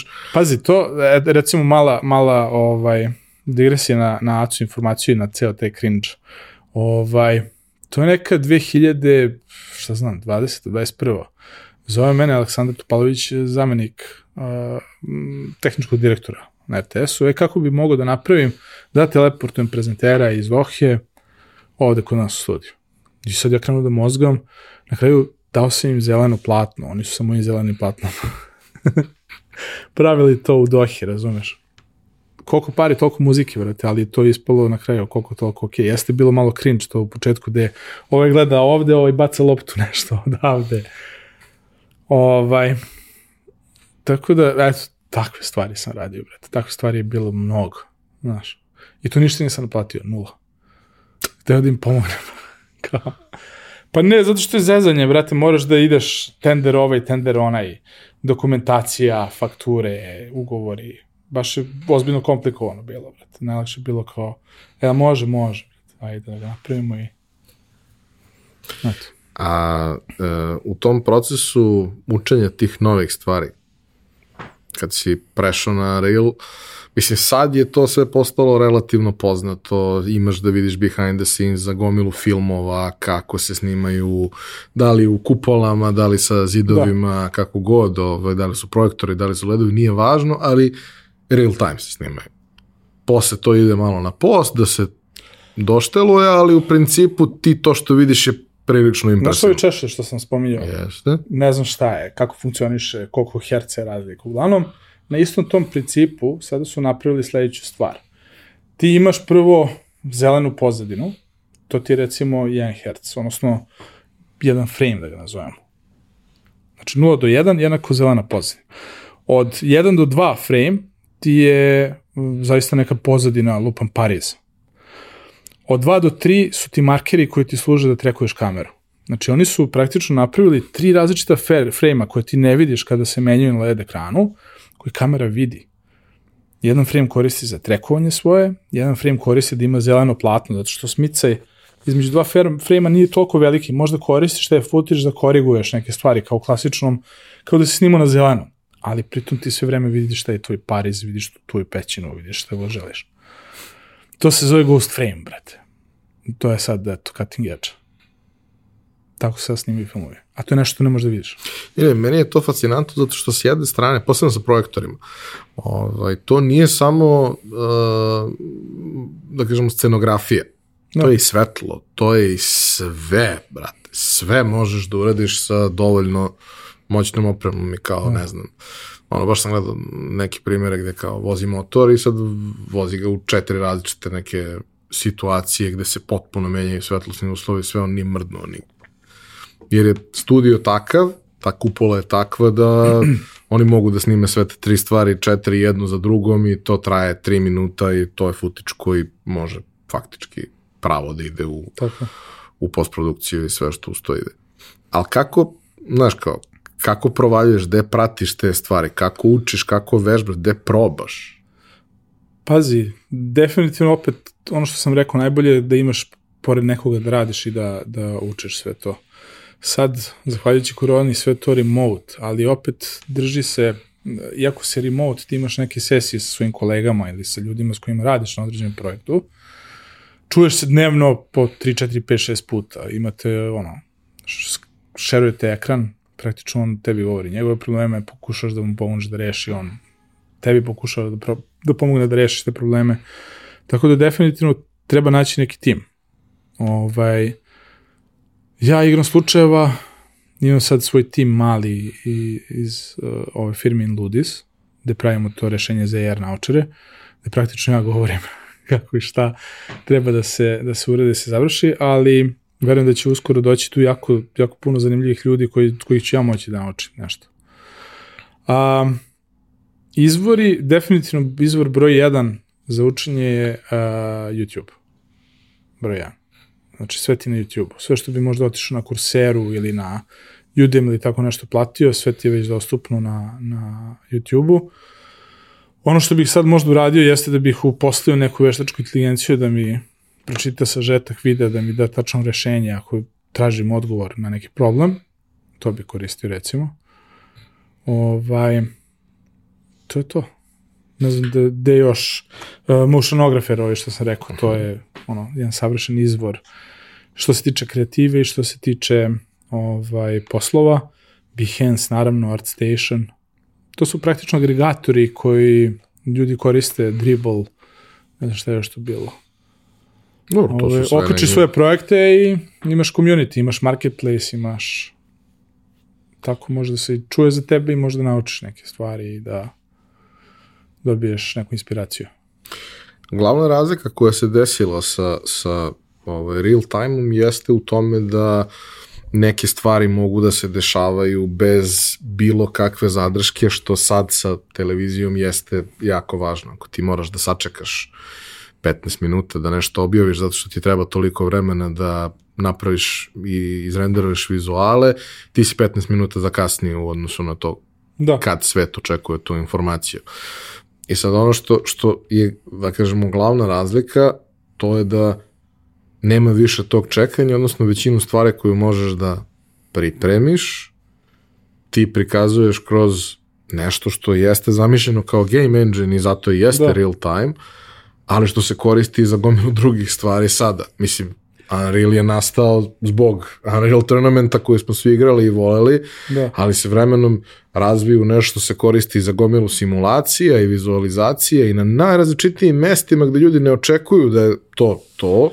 Um, masa, masa firmi sada, studija i generalno ono, ljudi širom sveta pokušava da uh, u svoj svakodnevni pipeline i workflow ubaci Unreal Engine. I to je dovelo do toga da nema dovoljno talentovan, odnosno nema dovoljno edukovanog kadra koji može da ti pomogne da napraviš te stvari praktično. Ozbiljan je shortage talenta. Ovaj, pogotovo što gaming raste. Uh, Inače, da, to što si rekao, da, da nije gaminga, ne bi bilo ni, ni ovoga praktično. To je taj neki set igrala koji smo mi jurili, od kada znam za sebi da, da se bavim 3D grafikom. To su ljudi koji su se bavili game dizajnom imali sve vreme. Sad odjednom ti imaš Unreal, možda ga koristiš za to što si rekao simulacije, ne znam, koristi ga za dashboardove u kolima, koriste ga za operacije, ne znam, tamo negde, brate, fazonu sa Novog Zelanda operiše u Njujorku ili tako neki, neki fazon. Ovaj, koristimo ga za snimanje filmova, za snimanje televizijskih sadržaja. Koristimo ga za prevođenje, brate, ima jako zanimljiva firma iz Srbije koja se bavi uh, simultanim prevođenjem. Odnosno, ne, oni, sign, sign language. Uh Mhm. -huh. Koristi MetaHumana, brate, iz, iz Trilaterala, iz Novog Sada. Za to, i tako, ne znam koje su još zanimljive primjere. Izgubio sam se, brate, iskreno. Ne, mislim- Pre overwhelming je. Znači, i sad kako da kreneš da učiš? Uh, a pričamo o Unrealu? Ili generalno pričamo o... Pričamo o real time. O real time. Uh, Unreal Engine, Notch, Disguise, Unity, uh, sad ne znam kolege koje se bave praktično real time aplikacijama, mislim ti mogu da dopune još tu listu. Pa za mene je broj jedan Unreal. Ja mislim da Dobro, će ali ono... manje više sve što si pomenuo ima svoju ono bazu u Da. gamingu i iz gaminga je došlo. Da. A, kako zapravo izgleda taj moment kad mm, znaš da postoji neki veliki događaj koji sledi kao što je svetsko prvenstvo ili izbori ili a, Super Bowl ili finale play-offa, šta god. Ovaj, I sada treba pripremiti to Znaš, ono, nekada su te grafike bile minimalne. Ja se sećam trenutaka, nisam, mislim, jesam relativno omatorio, ali nije to, nije to bilo ni toliko davno, mi pričamo 89. 90. 91. kada su grafike na televiziji e, za, umesto grafike sa utakmica prikazivale sliku u slici, snimak sa semafora u, u, Da. u, u ovaj, dvorani, jer nema šanse da na drugačiji način prikažu koliko je vremena ostalo. Dok smo danas došli do toga da ti apsolutno sve možeš da vidiš na najrazličitije načine. Sad kad gledaš NBA, bukvalno možeš 360 da rotiraš svaku situaciju, svaki detalj, da kažeš, ok, ajde izoluj mi ovo, hoću da ga vidim iz miliona uglova i izoluje ti vidiš. Potpuno je suludo. To se dešava za njih 4-5 godina, recimo.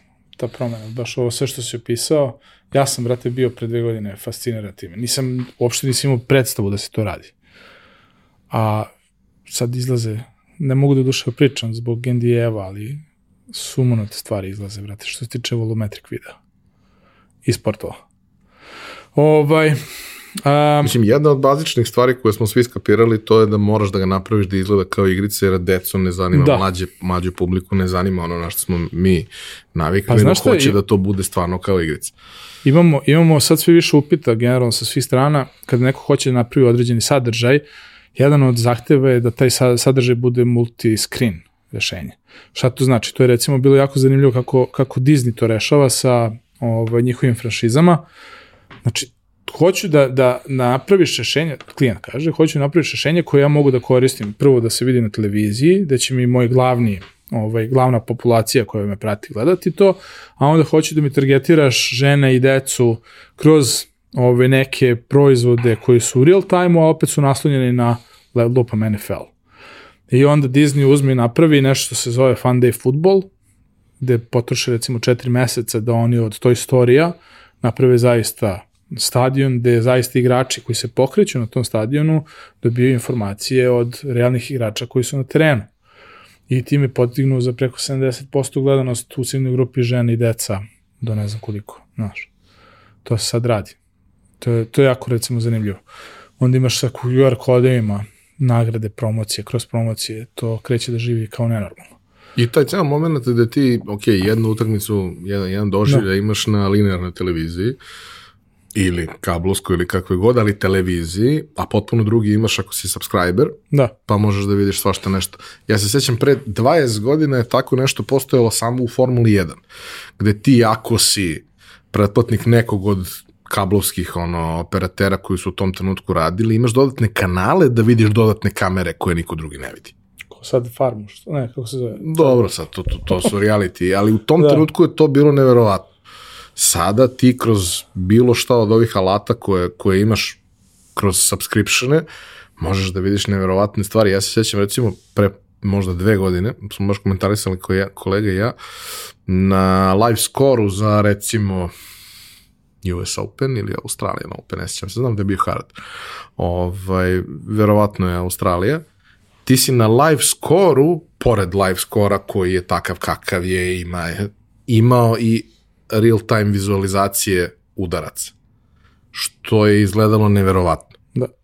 Zato što osim što vidiš koji je rezultat, ti vidiš šta se desilo. Ok, ne vidiš njih kako igraju, ali ako pratiš tenis, znaš šta se desilo. I A. to je bilo potpuno, potpuno onako neverovatno. Ok, oni imaju sve te podatke, zato što imaju ceo sistem i Hawkeye i sve ostalo koji je razvučen za tako nešto. Ali da neko to dovede do toga da ti to free možeš da vidiš na webu je baš onako show off. I menja kompletno kako se uživa sadržaj, brate. I to, Ko zna, ko zna kakve su sad nove proizvode izbacili što se tiče hlađenja na, na osnovu toga, znaš. O, E, Znam samo da padaju i dalje na, na, na stare fore što se tiče toga, to sam baš nešto skoro ovaj, slušao da e, i dalje se najveći deo prevara što se tiče klađenja radi na manjim turnirima tako što neko uživo je na turniru i kladi se online i to je to. ovaj, što, što zvuči jako smešno, ali kao kad, Tako kad se radi, shvatiš da. celu situaciju, ono kao tako se radi, naravno to je beznačajno mali procenat u ukupnom prometu i svemu, Pa- ali kao radilo je pre pet godina, radi i dalje. Sad, možda smo dosta toga preskočili, ali mnogo, mnogo mi se dopada ovo gde smo, gde smo završili sad trenutno. Um, ja želim da se pozicioniram u sportu i grafici, broadcastu, generalno. To mislim da će biti neki dobar put za, za narednih 10, 15, 20 godina shodno razvoju veštačke, veštačke inteligencije, zašto moje neko lično ubeđenje i nešto što ja mislim da će doći jeste da ćemo imati Universal Basic Income, UBI, i da ćemo gledati ovaj, sportske ono, utakmice i da ćemo se kladiti na to. I imat ćemo praktično hlebe i gara, kao što si imao u, u Rimu, tako. tako da, zato želim da budem, ovaj, ili ću da se bavim nekom poljoprivredom, da bi, ali ona, biotehnologija neka, ili kako već se zove, ili nešto vezano za broadcast. Mislim da, da u tome budućnost, znaš. Kaži mi, od ovih projekata koje si radio u prethodnih par godina na kojima si učestvovao, šta ti je tu bilo najzanimljivije i kako je došlo do njih? E, najzanimljivije je definitivno, definitivno je bilo ovo za Bean Sports i za NBC. Ovo, to se dešava 2022. godine, prošle godine praktično, preprošle. Zavisi kad gledamo ovu emisiju. Ovaj, dakle, zbog Foxa i Zero Density ja odlazim u Dohu, gde treniram tim jedne osrednje televizije koja se bavi heritage-em, heritage-em njihovim, ono, istorija, Kuran i ne znam šta sve, i njima praktično postavljan ceo sistem za virtualnu produkciju, ali umeđu vremenu dogovoran sastanak je sa Bean Sportsom i sa Al Jazeerom. Inače, Bean Sports je ranije bio deo Al Jazeera, pa se odvojio, praktično dva vlasnika su sada, ovaj, ranije jedna kuća i sad je jako smešno kad odeš tamo u njihov taj compound koji su čuli ljudi sa šmajserima, ovi vidiš tačno jedan betonski zid, ono, put koji udara u betonski zid, zato što je tu ranije bio put gde si mogu da prođeš od Bina do, do Jazeera, znaš. Pa kad su se odvojili, onda su zidali. I ovaj, dobijem ja te neke silne sastanke sa Bean Sportsom, Al Jazeera tu i tamo, ovaj, Qatar TV isto tu i tamo zainteresovani, ali ovi su baš bili zagrizli ono, u fazonu, jer su kasnili maturi. Znači, 2023. godina dešava se svetsko prvenstvo kod njih, oni samo što su uzeli izlepili zgradu sa brandingom. Inače, zanimljiva stvar jeste da su posle opet rebrandirali sve zato što su uzeli naš dizajn. Ovaj, I uglavnom, krećem ja, do, dovedem tu firmu koja se zove Žirafik, da, da praktično ja kao producent, sada ispred Žirafika, pokušavam da zatvorim ugovor vredan s 2,3-2,5 miliona dolara sa Bean Sportsom. Dolazi tu do nekog sporečkanja, uglavnom ljudi iz uh, Žirafika kažu too many red flags, znači ovo nam se ni malo ne dopada, ove, odustajemo od projekta i ja, brate, u hotelu kao, šta sad? Nećeš da radiš švedsko prvenstvo. Igrom slučajeva javlja mi se prijatelj David iz Njujorka. On je radio u ovoj firmi jednoj koja se zove Visa T. Onda kad je ekipa, ovaj, dosta njih je otišlo iz Visa T i napravili su svoju firmu koja se zove Polygon Labs. David se javlja kao des i rekao, evo me u Dohi. Kao daj nemoj da zajebavaš, ja dolazim za tri dana, kao. Pa rekao, tu sam, treba nešto, ono, kao, baš sam bio sa Bean Sportsom. Ne, kao mi imamo isto pitch za Bean Sports, ajde onda kad prođe pitch, da ne bi možda bilo nekog konflikta interesa, čujemo se, rekao, važe. Uglavnom, nije ni prošao je pitch, ovaj, trebalo je da se doradi nešto, to smo seli da dorađujemo, da napravimo praktično te neki fly through kroz Dohu. Završili smo taj fly through, dobili smo projekat za Bean Sports, to je Disguise, pošto je Disguise kupio Polygon Labs i dobio taj, taj projekat. I u nekom trenutku uh, David isto iz Polygon Labsa koristi taj projekat da zatvori NBC. NBC koji je bio uporan i tvrdoglav, nije hteo da, da nijedna kreativna agencija radi za njih, je sada poklekao i dozvolio Polygonu da radi izbore praktično, midterm elections 2022. u novembru. Mislim da su bili 15. ili 18. novembra. I mi na osnovu projekta iz Bean Sportsa i tog Digital Twina Dohe, gde smo zaista napravili ceo grad Dohe da možda letiš gde hoćeš u real time-u, oni su rekli hoćemo da imamo isto ovo samo sa Capitol Hillom. Ali način na koji danas izgledaju te vizualizacije da. je neverovatan. Znači, ono, uh, ja se sećam prvi put kad sam video arhitektonske vizualizacije koje su izgledale wow, da. to je bilo pre deseta godina. I to su uglavnom bile slike, eventualno neki video na koji si morao mnogo da čekaš, ali znaš da ovo ne postoji, ali izgleda prokleto kao da postoji, možda izgleda i malo bolje. I tako brzo ti suštinski dođeš do toga da možeš da radiš šta hoćeš, da imaš u real time-u, a što je važno da ga imaš u real time-u, pa zato što ako krene da pada kiša ili oblak zakloni sunce, može i kod tebe da ga zakloni. Da. Da. Znači, to je ono potpuno e, pa imali smo, To smo imali za dohu vezano, brate, da bukvalno, mislim, sreće pa tamo nemaš oblake, maltene. Duše, bilo ih je, brate, to oktober, novembar, decembar je bilo oblaka, pa se dešavalo da zaista ukači ovaj sistem i pokaže nam oblake. A, ono što mislim da se desilo sada jeste da, da ljudi koji, pošto mi svi pričamo priču, pričati osnov svega, osnova, sve kreative i ovo što sada mi konverziramo je isto neka priča, da ja praktično na osnovu toga kakav sam izlagač i koliko mi je zanimljivo nešto, ja slikam neku pred, ljudima pred očima sliku o sebi. Isto tako, sad moj alat je ovaj mikrofon, isto tako kada slikam neku gledalcu koji prati određeni sportski događaj, tu sliku to je neki Unreal Engine koji ima neke 3D modele u sebi koji svi funkcionišu u real time, sve se dešava u real time praktično. Tako da doživjeli smo sad jednu nevjerovatnu slobodu, brate. Slobodni smo da pričamo kakve god priče, što je strava, što je prosto ne, ono, oslobađajuće na neki način, ali opet ah, dosta, dosta izazova nosi ako nešto krene po zlu, brate. Sad možda zamisliš recimo stres koji je kada znaš da ti brat bratu jedno 30 do 100 miliona gleda ovaj, tvoje izbore ono, ujutru, od, bukvalno ujutro, od 7 do uveče do 12, 1, koliko je išla emisija, gde su ovi ljudi rabili taj naš digital twin Capitol Hilla kao nenormalan, brate. Znači, to je bilo non stop. Da, što je izgledalo wow. Da. A li šta lepše u Americi nego da izgleda wow. da. Ovaj. A suštinski, znači, ajde samo objasnimo šta je. Da svetskom prvenstvu vi ste pravili neko rešenje gde uh, prikazuješ po potrebi, rezultate, prikazuješ... Ali to što se dešava iza nije snimak, nego je nešto što se u real 3D, time da. izvršava, a kopira to. Kopira Tako kako izgleda grad, kako izgleda silueta. Kao da smo uzeli drona i da smo leteli dronom. Sad, šta je, grad je ogroman, tipa 50 km s jednog, kraja na drugi, pa ne možeš da letiš zaista dronom i onda smo ubrzavali te, tu putanju, ali za, mogu gledalci da zamisle bukvalno kao uzo si drona, letiš od stadiona broj 1, bilo ih je 8, do stadiona broj 2. Tu nam je recimo dosta pomogao studio iz, iz Novog Sada, Case 3D, oni su radili 6 od 8 stadiona. Mm. Ovaj, uh, letiš od stadiona broj 1 do stadiona broj 3 do stadiona broj 7, zato što su tu danas utakmice. Onda prikazuješ koji su uh, ono, fixtures ili kako se to zove. A, šta se gde igra, kad. Ko, ko sa kim i kada igra. i ovaj, onda letiš na neku totalno nevezanu ovaj, lokaciju gde prikazuješ rezultate po grupama ovaj, ili koristiš neke augmented reality u okviru studija. To smo recimo dosta koristili za engleski jezik. Da smo imali tabele bukvalno u studiju ispred voditelja koji su pričali priču toga ko je na kom mestu sada, znaš.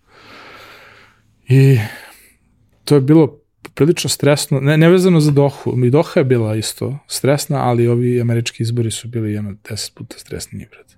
Ja se sećam, mislim da sam to i pominjao kad je Danilo bio, možda i nisam, ovaj, ali sećam se te situacije kada prvi put uh, vidim uh, model uh, Beograda na vodi u jednom od onih njihovih objekata gde, gde je bio 3D model dostupan, gde si mogo da okrećeš sve to i uh, naravno, ne znam, tu sad imaš i saobraćaj i sve ostalo I ja sam došao da vidim kako izgleda, me uopšte ništa drugo nije zanimalo, nego samo kako je to ispalo, jer smo dugo pričali o tome da to treba da se desi. Sad, naravno, sve one fotografije, renderi, svi, svi su izgledali brutalno, da. ali kao, ovo je real time. I ima tome jedno pet godina, možda tako nešto. I ja dolazim i vidim, vidim scenu, mislim, koja je potpuno besmislena i niko je nikad nije video osim mene, ali ja sam je video i zvao i sad kao, brate, ova ptica leti ispod vode. Koja ptica, a imaš, ne znam, ono, ciklus u kome random, da. ono, ptica leti negde, prate, ova ptica leti ispod vode. Šta je bilo, ono, umesto plus 20 i neko kucao minus 20 i pustio i sad ja, ja im pišem poruku, on kao, daj, nemoj me ložiš, ja mu snimim, joj bože, i kao, aj samo sačekaj tu. I ja sačekam, i kao, klik, da. e, je li sad okej? Okay? Jeste. Kao, znaš, to je, brate, pre pet godina, wow. Pritom, to se videlo da je 3D u tom trenutku i nije da. bilo realistično, ali je bilo blizu. Sad može da bude realistično. Sa nekim hardverom malo ozbiljnijim, ali može da bude realistično. Pa to, mislim sve na kraju kako ovaj, ta osoba ili taj tim koji priča neku priču, kakav pravac odabere, kakvu direkciju odabere. Mislim, ono što je danas, lupom, jutro sam gledao pixel art neki, čovjek koji je uzeo da rekreira neku igricu kao sa pixel art i koliko bi mu vremena trebalo da provuče kroz ne znam, neki software, koliko sada sa AI-em. Bukvalno je odmah dobio jedan prompt i AI je rešio taj video da je pixelizovano sve. Ja, Znaš. vidio sam svašta nešto tu. Što ja. se tiče izbora, znači da. vi pravite sa jedne strane to, da to postoji kao uh, niz trodimenzionalnih objekata koji simuliraju scenu grada, odnosno tog dela grada gde je Capitol Hill, gde postoji nekoliko ključnih tačaka. I šta se još tu radi mimo toga? Zato što to je samo jedan deo priče. Pazi, ono što je specifično za njihove izbore jeste koliko... O, oni imaju to zovu precincts, ne znam, terminologija mi nikad nije bila o, jača strana da sam uspio da skapiram, ali oni bukvalno na nivo mesne zajednice razbijaju rezultate za izbore, koji god to bili, predsjednički, parlamentarni, šta god se dešavalo, oni imaju na nivou mesne zajednice rezultate u real time. Plavo i crveno. Plavo i crveno, imaš one nesvrstane, koji se posle svrstaju valjda negde. Uglavnom, mi smo taj sistem koji smo napravili u okviru uh, Washingtona, u okru DC-a, oko Capitol Hilla, koristili da prikazujemo te real-time rezultate, gde je bukvalno reditelj kaže šta mu treba, producent to sa timom ovaj, koji, koji radi realizaciju i grafičkim operaterom pripremi to što je reditelj rekao i posle na komodu to ide u real time u, u, etar. Da, ali taj moment da ti suštinski sad imaš situaciju da ono, ne smije da ti kasne rezultati da. kada je neki presek i sve je. ostalo, ti dobiješ feed i on se prikaže, suštinski. Da, bukvalno. Neki ono XML sa nekim lupom, sad da li je XML, možda nije, ali kao ovo kad mi napravimo presek Republičke izborne komisije, tako isto ti dobiješ to u nekom mašinskom formatu da. i ono se prikazuje bez da je 15 ljudi pre toga to videlo. Pazi, znaš kako sad kod nas je to funkcionisalo, zato što ne smemo da dozvolimo da se e, sistem koji smo napravili nije podržavao praktično da se u real time promeni kao ono na aerodromu. Uh -huh da se promeni informacija, nego ti kada pripremiš grafiku, ona pokupi, zakači se na server, putem API, povuče te informacije, pohrani ih u grafiku i on kaže, ok, spremio sam ti grafiku. I onda možeš da je pustiš. Tako je. Sad ta informacija bajeta 3 sekunde ili 30 minuta, zavisi od reditelja, Kad ide. producenta. Ali suštinski je real to, time. ali bukvalno može da ide, da. I može da se Na menja 100 milisekundi je refresha izbio. Tako da, i onda sve ono što se izanimira od tih ovih grafikona i svega, da. to je suštinski feedovano par sekundi pre toga, odnosno moglo je da bude feedovano par Tako sekundi pre toga. I može da se promeni prvom prilikom kada nešto dođe novo. Pazi, pritom, uh, znaš da sam ti rekao da sad to što smo radili, taj Digital Twin Dohe i Capitol Hilla, bukvalno dok je bio Digitalk, dešavao se, stigla mi notifikacija da je izašao novi plugin gde ne bismo morali da potrošimo toliko para da bismo napravili ta dva Digital Twina. Bukvalno za džabe ga sad imamo. Druga stvar ovaj, koja se dešava, a, znači ne moramo da potrošimo mnogo para, pritom izlazi novi plugin sada za Unreal Engine, negde 18. marta, kada je GDC, Game Development Conference u Americi, treba da izađe nešto što se zove Avalanche. Avalanche da smo imali, to bi nam ubrzalo još ne znam koliko puta celu tu izradu tog projekta i bili bismo mnogo mi sigurniji da će to da radi, mnogo lakše bi nam sve bilo i tako. A šta on podrazumeva? Ah, Avalanche ti je alat koji je, to ti je jedan Frankenstein, brate. Ona je, ono, ruka od ovoga, ne znam, glava od ovoga i a, ružno možda reći Frankenstein, nije Frankenstein, ali najbolje funkcionalnosti od Adobe Photoshopa, od Illustratora, After Effectsa, Cinema 4D, Blendera, Maxa, Maya, svih praktično softvera koji se koriste u svakodnevnoj produkciji kontenta, oni su uzeli i embedovali u jednu stvar koja se zove Avalanche. I to će samo nastaviti da, da ide. Oni će nastaviti da embeduju sve što je najbolje. Tako da sada očekivana cena tog Avalancha za komercijalne svrhe će biti negde oko 100-150 dolara mesečno, što je skroz pristojna cena, obzirom da ti rešava 3D softvere, rešava Adobe paket. Ovaj, sama zamisao, prvo, za broad, inače nastala je za broadcast. Praktično kad sam bio u Poligonu, mi smo inicirali taj, taj projekat sa Gideon, Gideonom Ferberom, ovaj, koji je posle prešao u Pixotop, inicirali smo projekat da nam treba alat specifičan za broadcast koji možemo da koristimo. Iz toga se izrodio Avalanche, koji je sada monstrum, jedan koji će pojede sve. da se vratimo na, na, na to što on može. On može bukvalno, možeš i putem AI da ga promptuješ, sorry, siguran sam da će neko to sada napravi, a bukvalno zadaš jednu promenu, ta promena se aplicira, sad zamisli, lupam, koliko vi e, sadržaja izbacujete za prosečnu kampanju neku? Imaš baner ovog formata, baner onog formata, imaš billboard, imaš, ne znam, insertere neke na televizijama, nešto, da. imaš ima formata koliko hoćeš, različitih ono, piksela u širini i visini. Ovde bukvalno predefinišeš sve koji su ti formati potrebni, kažeš publish, pff, gotovo. I on Nema napravi šta- sve mutacije. Da. Ne samo što napravi, ono što treba da se izrenderuje kao video izrenderuje, uglavnom će sve to ići preko nekog HTML5 ili nekog WebGL-a, nešto će se koristiti u bližoj budućnosti. Tako da neće biti potrebe da, da se rendera. Ovo Zvuči to je moć. predivno. Da, Ne, mislim, evidentno je, baš smo i, i pričali nedavno, ovaj, da prosto taj neki pešački deo stvari jednostavno mora da se što pre reši, zato što mnogo je glupo u ovoj postavci stvari da, da, da neki kvalitetni ljudi gube vreme na to da prave 16 dimenzija banera od jednog rešenja koje ima sve što treba. vidi, ja sam tu podeljen, odnosno moje mišljenje je podeljeno iz razloga što razmišljam sam kako da, vaspet, da vaspitavam maniku moju. Jako bi volao da završi, odnosno da, da nauči tradicionalne metode kreiranja nečega, jer mislim da će to biti jako bitan skill u bližoj budućnosti, da će se mnogo toga izgubiti, ali neko održavanje te tradicije, kako vajanja, slikarstva, čak i tekstopisanja, ja mislim da će biti jako bitno zadržati.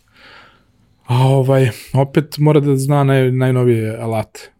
Tako da definitivno jedan i drugi pravac, ja mislim da ćemo da se Ne, ja bavimo sam- edukacijom jednim i drugim pravcem. Ja samo mislim da te pešačke stvari, te stvari koje su dosadne, Da, ono, sumarizacija teksta, to jednostavno ne treba da radi čovek danas, nema nikakve poente. Ja sam danas imao neku situaciju da treba pošaljem biografiju do određenog broja karaktera, kao ljudi, ja stvarno ne mogu da chat GPT, ja, da, dobro, nije loše, promenio bi dve, tri reči, ali suštinski, umesto da se bavim time 15 minuta, bavio sam se 30 sekundi Da. i dobio sam nešto što je okej. Okay.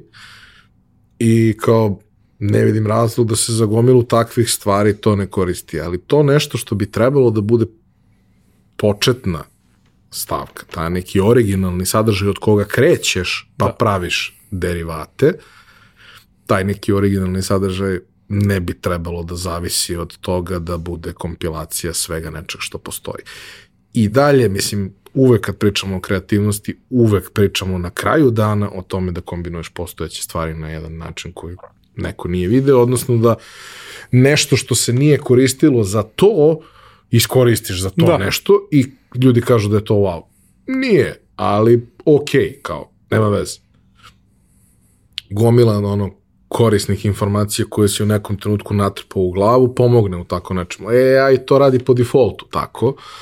Ali ja stvarno mislim da ako nastavimo da, da, da ga koristimo nemilice za produkciju originalnog sadržaja koji ne može da bude originalan, da ćemo doći do toga da ono, kanibalizuje Da. sam sebe, da se desi sve ono što se desi kad zatvoriš ovaj, ono, 30 hrčaka i pustiš ih da se međusobno razmnožavaju, vrlo brzo imaš gomilu deformisanih, zato što jebi ga, Da.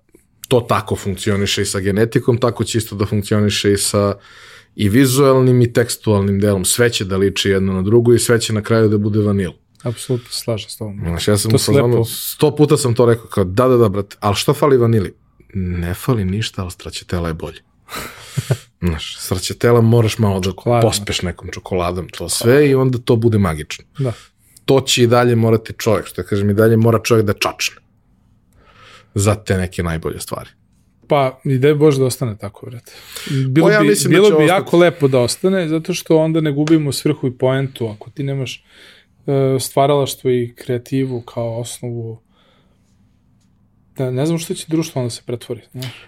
Pa znaš šta, ako dođemo do toga da to sve napreduje toliko kao što na, da nastavi da napreduje da. rejtom kojim napreduje, onda ćemo mi vrlo brzo da postanemo suvišni, svakako. Tako da, Pa pazi, evo, imao sam jednu situaciju, uzeo jednu noć, za dva sata sam napravio svoj GPT. Virtual Production GPT, VP, GPT sam ga nazvao, registrovao domen, iskompilirao listu od ne znam koliko PDF-ova sa najbitnijim znanjem vezano za virtualnu produkciju i sve to uploadao u roku od dva sata. Znači ne, neki proces koji ono, treba da traje mesec dana, pa da ti istražiš, pa da spakuješ sve to dva sata okačio, imao prve praktično ljude, odnosno pošto sam tagovao tog lika koji se zove Noah Kadner, koji je influencer u virtualnoj produkciji i radi za American Cinematographer kao ovaj, novinar, on kaže Snap, e, already took my job. I ja fazonu kao šta ti radi, šta ti kažem, ono, imaš još par godina da se prilagodiš, ali kao da, tu je, ono, dolaze da... I on mi šalje privatnu poruku posle jedno sat, dva, da ne molim te skini ovo, nisi dobio odobrenje ni, ni od mene, ni od Epic Gamesa. Ovo je nešto što nas ra, ono, hrani nas hlebom i stvarno bi ti bio zahvalan ako ga skinaš. I ja kažem, ok. Ovaj, da, kao to je moje autorsko delo, ovaj, da ja dobijem nešto za uzvrat, bilo bi ok, ali obzirom da ne dobijem nikakve pare za to, molim te da ga skinaš. Ja rekao, ok, ako bi dobio, koliko bi to trebalo da bude? Uglavnom, kroz razgovor sa njim dođemo do toga da bi idealno bi bilo da se za podatke koji se koriste za trening te veštačke inteligencije isplaćuju neke male tantijeme, kao što imaš od Sokoja, da plaćaš, je tako neka mikrotransakcija da se napravi kanoinom tom fundusu ove znanja koje on iskompilira u dva PDF-a i da on ima čovjek neki benefit od toga. Na taj način bismo gurali ljude da i dalje praktično kreiraju sadržaj, da ne bi došli do vanile, kao što kažeš, ali ako nemaju benefit, maturi, to jako brzo postaje vanila. A, e, to je ono kad, kad se ove, ljudi šale na, na, na račun toga, ali kao ovaj, sa dizajnerima je to često, često zanimljiva tema, kad neko kaže napravi nešto, bude neka lepa bež boje. Ne postoji lepa bež boje. Znači, postoje stvari koje su lepe jer su bež boje, ali generalno kad ti neko kaže napravi nešto da bude bež, to je užasno. Si vidio sad novu, novu panton boju, brate? Vidite. Znači, oni svake godine, ono, ja mislim da tamo svake pa- godine neko razmišlja... koja je tu industrija, brate? vidi, to, to ozbiljni milioni su iza toga koji će oni boju da odaberu, brate, i šta će mainstream da bude. Ne znam, čini mi se da samo služi da iznervira Pa. neki od nas. Ali, uh, se, evo ti, jedna zanimljiva kampanjica koju sam vidio pre neki dan, koja kao koliko ima upotrebnu vrednost, ne znam, ja ono, i kao, kao neko ko dolazi iz zemlje gde su ljudi vrlo skloni da ovaj, uh, prevaru dižu na viši nivo, ne vidim rešenje, ali uh, To je on rekao. To je on rekao.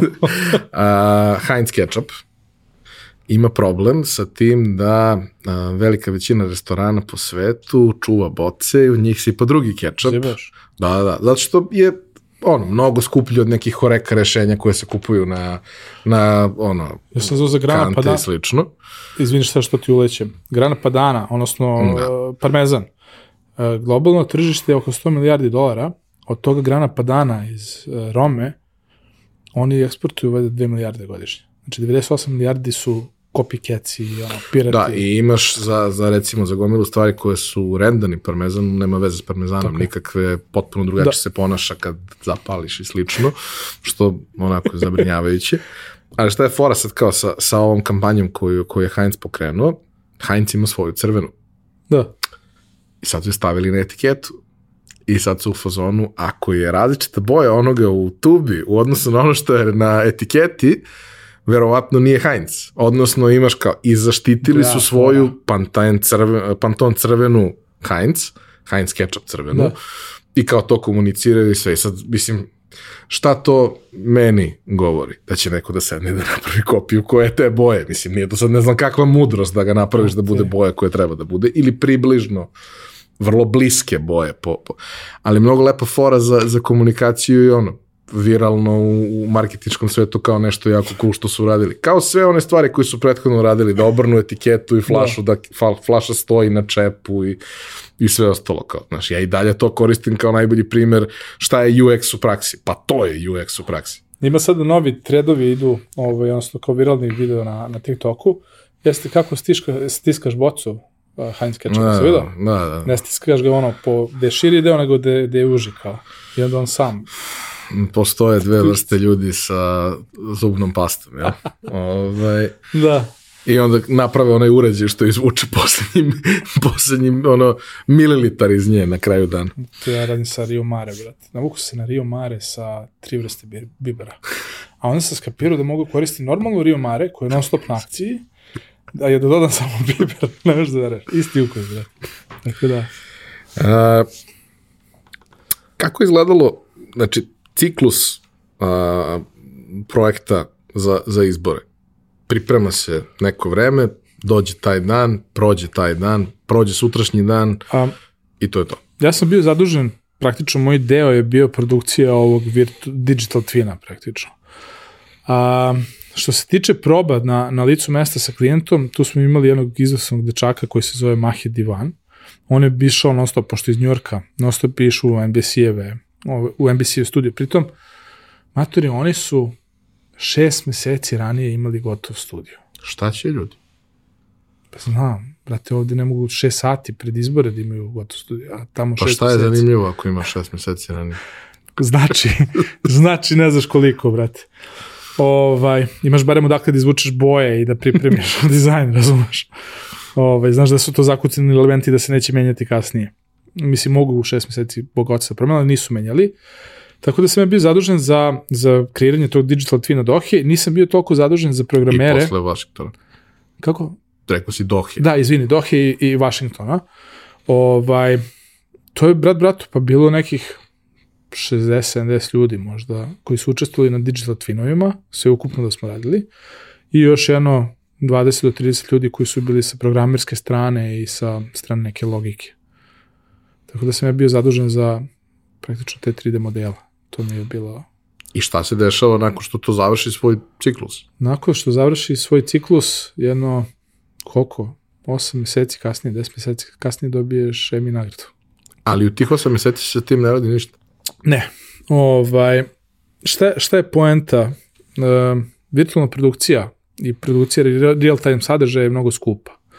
I onda uh, izbori su, pritom izbori gde god da si u svetu, koji god da si zemlji, oni su nešto što je vanredno, nešto se dešava na svake dve do četiri godine i tu se sipa lova. I tu se beskonačna količina ljudi okupi da Tako gleda i Tako je. tad se pozicioniraš za naredne dve godine kao Pogotovo u medij. Ameriki. U Ameriki, Americi. U Amerikama.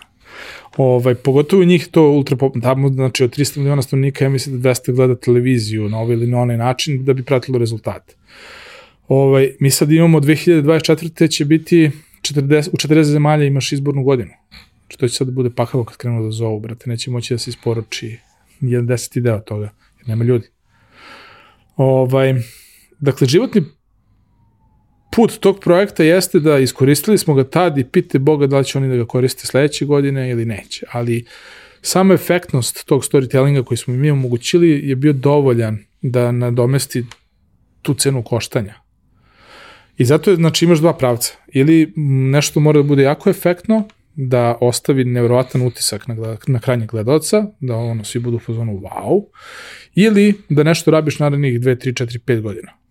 Samo tad možda mu opravdaš ekonomski aspekt. Znaš, to takvog ne znam, ako radiš za sport, onda imaš celu sezonu da Tako koristiš neke stvari koje Tako si je. napravio.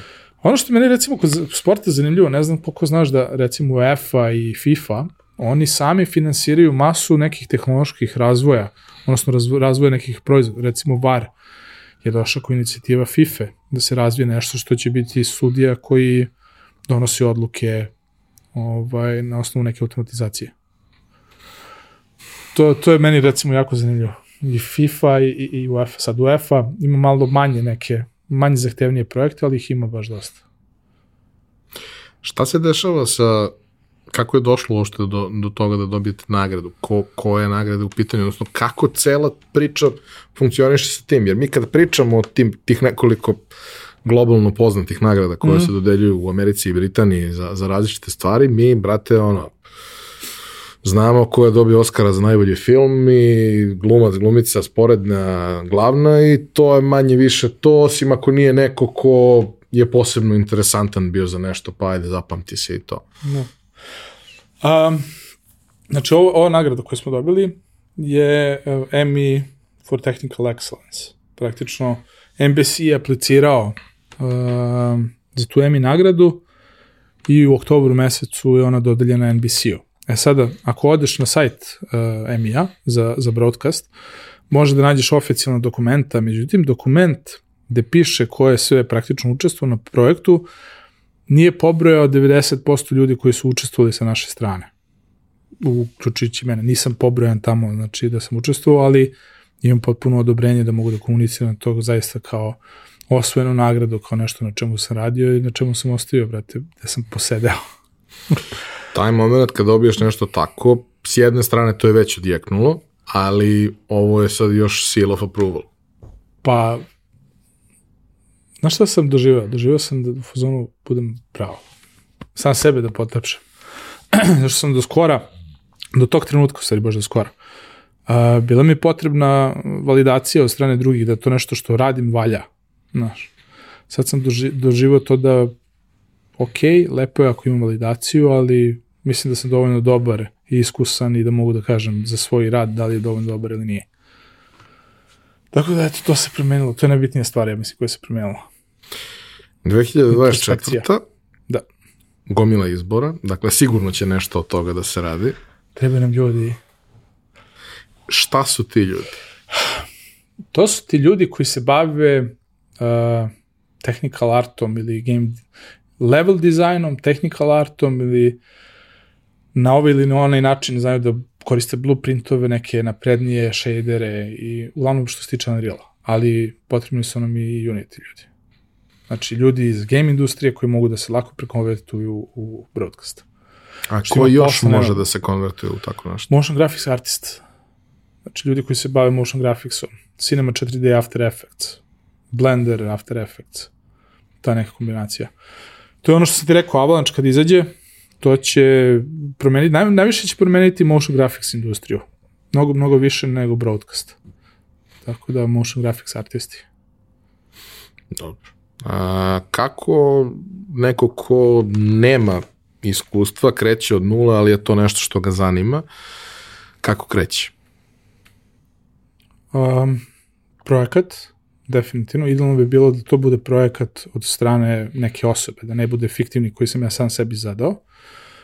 Uh, mogu slobodno meni da se obra, obrate praktično, daću im zadatak jako brzo i pokušat ću, imam, imam mnogo toga na, na tapetu, ali pokušat ću zaista da ih gajdujem kroz proces učenja i da im omogućim da na najbezbolniji način savladaju svo to štivo koje im je potrebno. Pritom moraju da su svesni da to neće biti ono, tri meseca, bum, ja sam učio, ja sam najbolji animator ili motion graphics designer ili level editor ili ne znam, ovaj artist, onaj artist, to će da traje, brate, 20 godina. Ja mislim čak i sa... Dobro, to će da traje kontinuirano. Da, Ali da koliko je vreme otprilike potrebno da oni budu nekakav šraf negde. pa ja mislim šest meseci do tri godine. Sad na osnovu ovog iskustva koji recimo imam, imao jedan mali Mikica, on je bog otac, brate, na Rafu, dečkić, Kida C, ovaj, sad imamo te naše naočare koje pravimo, radimo u Unity i on C Sharp pegla, ja sam praktično, šta je, ja sam glava, ja sam krang, a on je ono telo. Znaš što kaže, Shredderu, vrati mi moje telo. to je brate. Ovaj, ja sam krag, onda je telo, bukvalno. I ta kombinacija je ekstra. Mnogo smo produktivni, zašto ja ne znam C Sharp, znam logiku, a on zna. Ali Kako ne zna da to sprovede. Da. Dobro, znači svakako ovaj, pričamo o nečemu što je here to stay i što više nema samo jedan pojavni oblik kome Da. može da, da funkcioniše. Nije gaming jedino mesto gde si ti upotrebljiv zapravo. Imao si, Mnogo je mesta. imao si Mićka Ljubičića koji je rekao da ne želim kod tebe u emisiji, odnosno u podcastu, rekao je da ne želim da se osetim zatvoren, ne želim da budem u kavezu, da osetim tu presiju, da non stop radim jedno te isto. Ova industrija nudi tu širinu i tu mogućnost. Znači danas bukvalno možeš da obučeš odelo nekog 3D modelara. Sutra možeš da uređuješ interijere, preko sutra možeš da praviš igrice, nakon sutra da radiš na izborima, onda ovde, ne znam, voziš neka kola, radiš na onim displejima u kolima i tako. Bukvalno iz dana u dan možeš sebe da šaltaš šta ti je ćef da radiš, radi. Jer imaš je- jedan, jedno razvojno okruženje koje Da. je vrlo stimulativno, dobro dokumentovano, sa mnogo primjera. Znaš, ja uvek kažem ono kad, kad neko ko ne zna od čega da počne, nađi nešto što ti se sviđa probaj da ga iskopiraš. Um, to sam opet ću bio vladi, vladi ću da spremim tu listu, to mogu i tebi da dam, a za sve koji su zainteresovani mogu da bace pogled ovaj, da se upute na taj način šta su im sledeći koraci. Važi, važi. A, što se tiče ove firme koje, koje, koje radiš jeli, sa, sa ekipom na razvoju tih naočara, e, što? šta, ti to treba u životu? Brate, koleginici Irena koja je radila kod mene, zove me jedan dan i kao, ej, imam dva drugara koji rade neku aplikaciju, nešto AR, treba im neka pomoć, bi mogu da im pomogneš, rekao, ajde. Čujem se ja sa dva izgubljena lika Markom i Rankom, brate, koji su već dve godine u startupu, da prave naočare koji trebaju da poboljš, koji, koje trebaju da se koristi za poboljšanje treninga u košarci, nemaju ništa, brate, nemaju video jedan. I ja ih uzmem pod svoje, poručim naočare, odnosno prvo sam istražio koje su naočare najbolje, poručim naočare sa eBay-a za jedno tri put više para nego što inače koštaju, zašto ih nema na normalnom marketplaceu. Iskoristim njihov SDK, posle tri nedelje mi stignu naočare, ja napravim taj prvi demo taj prvi demo feature koji im pokažemo i odlepe. Ono kao, a mi sutradan idemo ispred naučno-tehnološkog parka da I prvo sam imao video koji je ono, posle postao zaista da ti staviš naočare. E, pa znaš šta, jako je zanimljiv taj projekat. I kad uđeš u dubiozu, ti skapiraš u stvari koliko znaš, koliko ne znaš, a u stvari skapiraš da ne znaš ništa. I ovaj, imali smo situaciju, bili smo u Šangaju, u Šangaju, u Šenženu, na sajmu, prilazi nam lik koji kaže ja hoću da ubacim vaš sistem u hiljadu i po hala. Sportskih hala. Majka Kina. Majka Kina, brate. Ja rekao, čekaj, to je znači, ajde da kažeš da ima 10 ljudi koji se bave tom halom, od čistačice WC-a do nekog ko radi financije ili ne znam šta. 10 ljudi. To je, brate, 15.000 ljudi u firmi tog lika i mi treba kao sve to da snabdemo. I onda smo tu došli do toga da imamo problem sa, sa skaliranjem i tada i tada i tada. Ono, dubioza bez kraja. Uglavnom, uh, videli smo jako lep feedback i odziv kod dece, koji su nam ciljna grupa. Ciljna grupa su nam od 10 do 18 godina. Mm. Oni su oduševljeni, bog zna kako, a mislimo da je to budućnost ne samo u košarke, nego i generalno sporta. Ja sam shvatio ovaj, za, na nekim ovaj, u nekim koleđima um, pričao mi je jedan poznanik koji je bio tamo da se gomila nekih ono antropometrijskih testova i svega onog što se i danas kod nas radi, ali se radi isto ko pre 30 godina. Da se sada gomila tih stvari radi tako što se prosto ono nakače senzori na ljude i to se snimi iz nekoliko uglova i onda ispravljaš nekome, što ja volim da kažem, ispravljaš na naučnoj osnovi. Odnosno, na osnovu nečega što je vrlo realan rezultat kako se tvoja ruka pomera, šta je problem sa tvojom mehanikom šuta, to nije problem koji ti ja sad abstraktno pričam da. i pokazujem ti na nekom drugom. Ne, ne, na tvom telu ti pokazujem gde je problem i šta treba da promeniš, šta će to da donese i zašto imaš problem sa laktom. Jer 40.000 puta si šutnuo u poslednjih mesec dana i naravno da ti je lakat pod opterećenjem jer ne radi pravilno. Tako je. Mislim, skapirao si, vrati, jedan na jedan. E, jedna od gotivnih stvari, recimo... Ima nešto što je mnogo jednostavniji, problem koji je mnogo jednostavniji od toga. Znaš koji je? Slušaj ti mali, treba da trčiš od tačke A do tačke B i uspud da uradiš probacivanje da. kroz noge. Vrati, 99% klinaca to neće uraditi. Dobro, zašto im je dosadno? Dosadno. Repetitivno dosadno. Ti im ovde napraviš igru od toga gamifikujemo game, ono, trenažni proces za, za igre, brate. Bukvalno. To je jedna od ideja koja je na, na papiru, to je u fiocije trenutno, ali doći ćemo do toga. Znači, gamifikacija trenažnog procesa, ujedno, uh, sam si rekao za, za Formulu 1, ne znam, Formula 1 je postala sad Formula E, ne znam da si da, ispratio. sam da postoji. Jer ti imaš bukvalno kao u igrici deo kroz koji prođeš i ti dobiš boost neki. Mm. Isto tako zamisli sad igraš košarku pa ne znam, skočio si najviše trenutno na meču, dobiješ plus 2 poena ili postoji zilion jedan način kako možemo da praktično napravimo sad neku evoluciju sporta kroz svu tu tehnologiju koja je dostupna, da neke nove stvari kreću da se računaju, da je nekim novim generacijama to zanimljivije, da sad radi na ovom multiscreen rešenju, zato što meni standardna košarka ne radi, znaš. Radi možda ako uposlim Opta Scores i platim licencu koja košta boga oca. Ima dosta ima. stvari, ima dosta da. stvari koje se tu dešavaju, koje su interesantne. Ja se sećam pre dve godine, ja mislim možda i tri, uh, sam kupio ono, masterclass za novu godinu, jer dva za jedan, pa smo to tako rešili.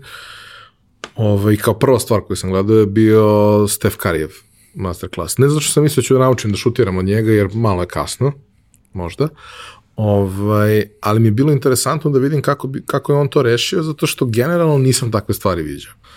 Odao da sam posle još desetak masterclassova, njegov je bio najkonkretniji.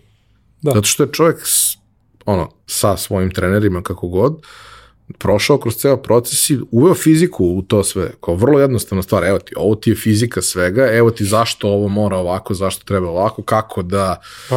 uh, podigneš efikasnost na bliže, više, na, da, na dalje, na izuzetno dalekim šutima, kako čovek njegove fizionomije može da igra ono što on igra.